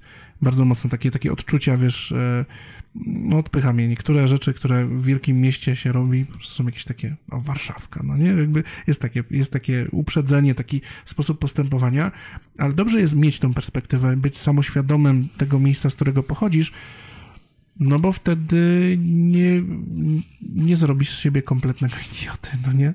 To też perspektywa to z jednej strony, a taki e, dystans, mm, dystans bardzo, bardzo u, w, moim, w moim odczuciu e, uzdalnia nas do takiego szerszego poznania. Bo jeżeli, jeżeli jesteśmy zdystansowani do siebie, tak, patrzymy na siebie z dystansem, e, widzimy, że te nasze porażki nie były takie straszne, widzimy, że te nasze zwycięstwa nie były aż takie wielkie, ale z drugiej strony widzimy też to, że jest całkiem nieźle. Generalnie, jeżeli się staramy, to w końcu wychodzi nam całkiem nieźle. Czat podpowiedział, że y, słoma z butów wystaje, albo człowiek granatem od pługa oderwany. Myślę, że to drugie jest bardzo dosadne. Już dość. Okay. Już dzisiaj było wtedy. Y, i teraz y, kolejny nawyk, bardzo fajny. Do, dobrze jest pamiętać o tym, że z reguły wykorzystujemy. Y, z reguły, uwaga. Z reguły. Ty, osoby z chorobami, na przykład depresją, to nie, nie zawsze zadziała. Oni mają 100. Zasada 40%. Chodzi o to, że mm, przynajmniej w, w, ćwiczeniach fizycznych, gdzie ta siła woli z reguły jest przy tym ekstremalnym wysiłku bardzo potrzebna, wykorzystujemy z reguły 40% swoich możliwości i oni są w stanie popchać ci, wiesz, krzyczący dowódcy generałowie, wiesz, w takich ostrych sytuacjach. Y, przy 40% następuje mega załamanie, ale mam jeszcze 60% możliwości, o których z reguły mm, dużo nie wiemy. Y, bardzo fajnie tutaj y, można sobie posłuchać różnych i poczytać zresztą różnych relacji z e, biegów jakichś tam Ironmana, wiesz, w górach, czy tych y, no, jak one się nazywają? E, Grom, te jednostki specjalne, wiesz, jak wyglądają te, prze, wiesz, testy, testy do gromu i tak dalej. I faktycznie przy 40%, 30, 40, czasem 50% twojej energii następuje kryzysowe załamanie. Ty już po prostu jesteś świadom, że jesteś przy krańcu, a okazuje się, że popełniasz dwa razy więcej, a nawet i, jeszcze więcej wysiłku, bo jesteś do tego w jakiś tam sposób, wiesz, przymuszany, więc y, dobrym nawykiem jest posiadanie świadomości, że z reguły, kiedy czujesz, że jesteś już na krańcówce, że już masz absolutnie dość, takich, wiesz, mentalnie jesteś wyczerpany, to jesteś tylko w 40-50% wyczerpany że, że jeszcze masz ten zapas, że jesteś w stanie zacisnąć zęby i jesteś w stanie zrobić więcej no. w całym tym systemie motywacji, bo mówimy o motywacji. Nasz mózg jaskinowca y, ma zabezpieczenie na to, y, jakby jakiś tygrys szablozębny wyskoczył z krzaków. Dokładnie. Więc dobrym nawykiem jest pamiętanie, że w momencie, gdy już mamy dość, to tak naprawdę wydaje się nam, że mamy dość, możemy spokojnie wytrzymać i znieść z reguły więcej. I o, nawyk. Nawyk, który on brzmi bardzo motywacyjnie. Tak na zasadzie tak no, Churchill, Churchill go. Nigdy się nie poddawać. Churchill go wykreował bardzo mocno. Natomiast y, poddawanie się jest w tym kontekście szukaniem wymówek. Szukaniem wymówek, że to czyjaś wina, że coś się stało. Ja miałem zresztą e, Joko, Joko Willing, e, taki naprawdę fajny podcaster i były komando z Stanów e, i ma taką zasadę, którą ja też wyznaję, żeby mówić dobrze. Że na zasadzie coś się stało? Dobrze. No nie, na zasadzie potknąłem się, dobrze, następnym razem będę patrzył pod ziemię, no nie? Miałem rozwód, dobrze, mam nowe szanse w życiu otwarte. Czyli jakby nie szukasz wymówek, że coś się zakończyło i i ty się poddajesz, tylko szukasz, to jest wymawianie się w drugi sposób. Szukasz wymówek do tego, dlaczego to było dobre wydarzenie, które się wydarzyło. Taka, takie, takie specyficzne, y, specyficzny y, syndrom polianny. To jest, ale mm, to jest chyba jeszcze jeszcze coś takiego, że bierzesz odpowiedzialność za to, co się stało. Nie, nie przekazujesz tej odpowiedzialności komuś, nie? że mnie spotkało co mogłem zrobić, żeby to mnie nie spotkało? W którym miejscu następnym razem się zabezpieczyć, żeby mm, jak nie przegrać 20 milionów dolarów w kasynie? I na przykład ile... Nie iść do kasyna. I na przykład ile, ile jakaś duża firma zapłaciłaby mi za mowę motywacyjną, w której powiedziałbym dokładnie to. Przykład bardzo dobry właśnie gościa y, y, Wilka z Wall Street, tego prawdziwego Wilka z Wall Street, tak. o którym był film, gdzie on teraz jest mówcą motywacyjnym, gdzie tam przekazuje i elementy swojej techniki sprzedażowej, ale jest przede wszystkim mówcą motywacyjnym, no i jest mu płacone za mówienie o swojej mega, mega porażce i szalonym życiu. No nie? Jakby skazany przestępca. Ale co z tego? No nie, na zasadzie nigdy się nie poddawaj.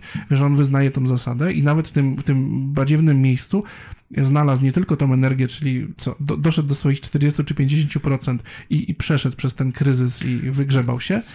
No i... Niekiedy to jest, to jest tak trochę kiepsko, e, kiepsko prezentowane, że każda, każde cofnięcie się, każdy odpoczynek, każde przyjęcie porażki jest poddaniem się. Nie, to przyjęcie porażki to jest przyjęcie porażki. Stwierdzam, że ja po prostu ograniczam straty i mówię, w tym momencie już więcej nie inwestuję, ale to nie jest, y, to nie jest poddanie się. Ja wyciągam, jeżeli wyciągnę wnioski z porażki, jeżeli zam, zamknę inwestycję, która przyniosła straty, wyciągnę wnioski z porażki, to ja wtedy się nie poddaję. To nie jest poddanie się. To jest. No to czat, czat podaje bardziej ekstremalne nawet, nawet yy, porady typu yy, moje długi wykupił komornik. Dobrze, w końcu wyjdę z tej spirali chwilówek.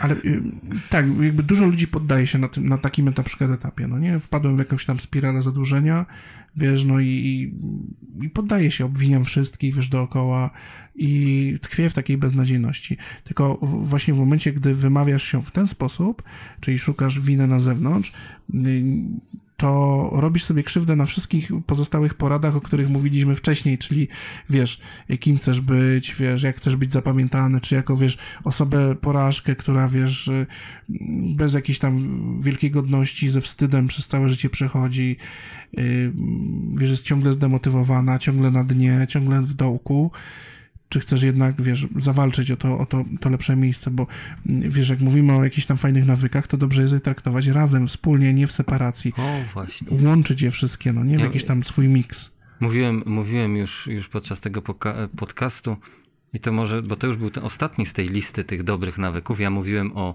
o tym, w jaki sposób korzystać e, z, z nawyków i że można je układać w, w taką sekwencję bardzo dobrze jest zrobić to na początek dnia. Takie, takie, taka sekwencja nawyków, w którym zawsze rozpoczynamy dzień, uruchamia efekt, który nazywa się efektem torowania. Efekt torowania to jest efekt przywiązania pozytywnej, zwykle pozytywnej energii, negatywną też, ale nam chodzi o to pozytywne wykorzystanie.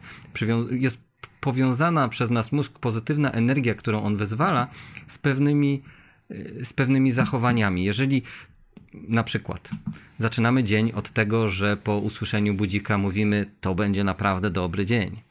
Wstajemy bez zwłoki, ścielimy łóżko. Tutaj jest następny nawyk, który wykorzystuje jeszcze jedną rzecz.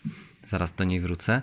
Potem idziemy, myjemy się, pijemy wodę, bo tak żeśmy sobie wybrali, robimy jakąś serię, to potem już mamy ten ten impetus, ten, ten, tą, tą siłę do tego, żeby, żeby wejść dzień z dobrym nastawieniem, żeby nie zwlekać, żeby to, żeby to po prostu szło, żeby, żeby, e,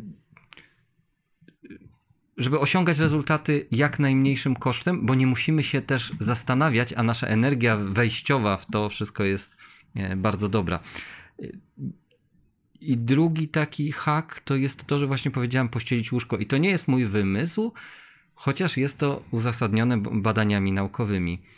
Yy, to jest przemówienie, nie pamiętam, który admirał, to, yy, to był jakiś admirał Marines, który właśnie jak zrobić i, i głosił mm, to, jak się te przemówienia nazywają, na, na zamknięcie roku akademickiego, na, na rozdanie, rozdanie magisteriów, tak, to tam dyplomów. Są zapraszani wielcy, wielcy mówcy i tam jeden z nich, jednym z nich był, był admirał, który wygłosił mowę na temat ścielenia łóżka, dlatego, że my uwielbiamy, nasz umysł uwielbia zamykać rzeczy. I jeżeli zrobimy już coś takiego na początek dnia, zamkniemy pewną rzecz, mówimy, coś żeśmy już domknęli, co żeśmy zrobili.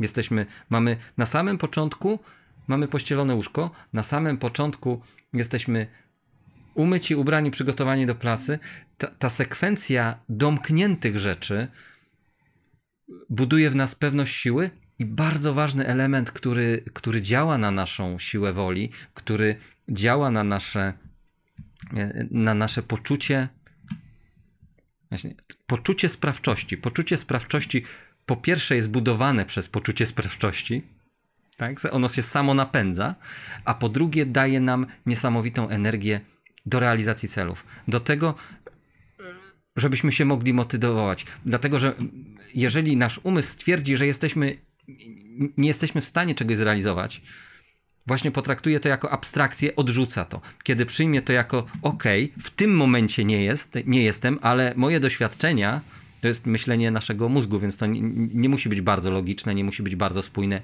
Ważne, że, że się jemu układa. Moje doświadczenia mówią, że dzisiaj pościeliłem łóżko, ubrałem się, załatwiłem potrzeby fizjologiczne w czysty sposób, y, wykąpałem się, coś tam Zjadłem jeszcze. śniadanie, no nie? Rozpędziłem się, to ja jestem w tym dniu sprawczy, bo ja już coś domknąłem, coś powiedziałem, ok, koniec. I ta seria powoduje, że, że samo to, mamy energię, y, nasz mózg obniża gardę tak, z zabezpieczenia, tak, jesteśmy niesprawczy, to najprawdopodobniej jesteśmy chorzy. Jesteśmy chorzy, to najlepiej położyć się w krzakach, przykryć dużą ilością e, liści i przespać jeden dzień, bo jeden dzień jesteśmy w stanie przeżyć, a jak pójdziemy na, powo- na polowanie, to tygrys i możemy skończyć źle. Dokładnie. Ja myślę, Ryszard, że, że mi się skończyły wszystkie nawyki. Ja powiedziałem Mnie się, mnie się skończyły wszystkie notatki. Tobie się skończyły wszystkie notatki. E, Słuchajcie, jeśli kogoś z Was zmotywował ten e, podcast o motywacji do tego, żeby faktycznie e, w jakiś tam sposób wziąć w nim udział, to zawsze możecie do mnie napisać, zasugerować jakiegoś gościa, zasugerować e, kolejne tematy. E, Trochę maili z tematami dostaję, pewne rzeczy sobie kolejkujemy, e, aczkolwiek nie wszystkich gości jesteśmy od razu w stanie zaprosić.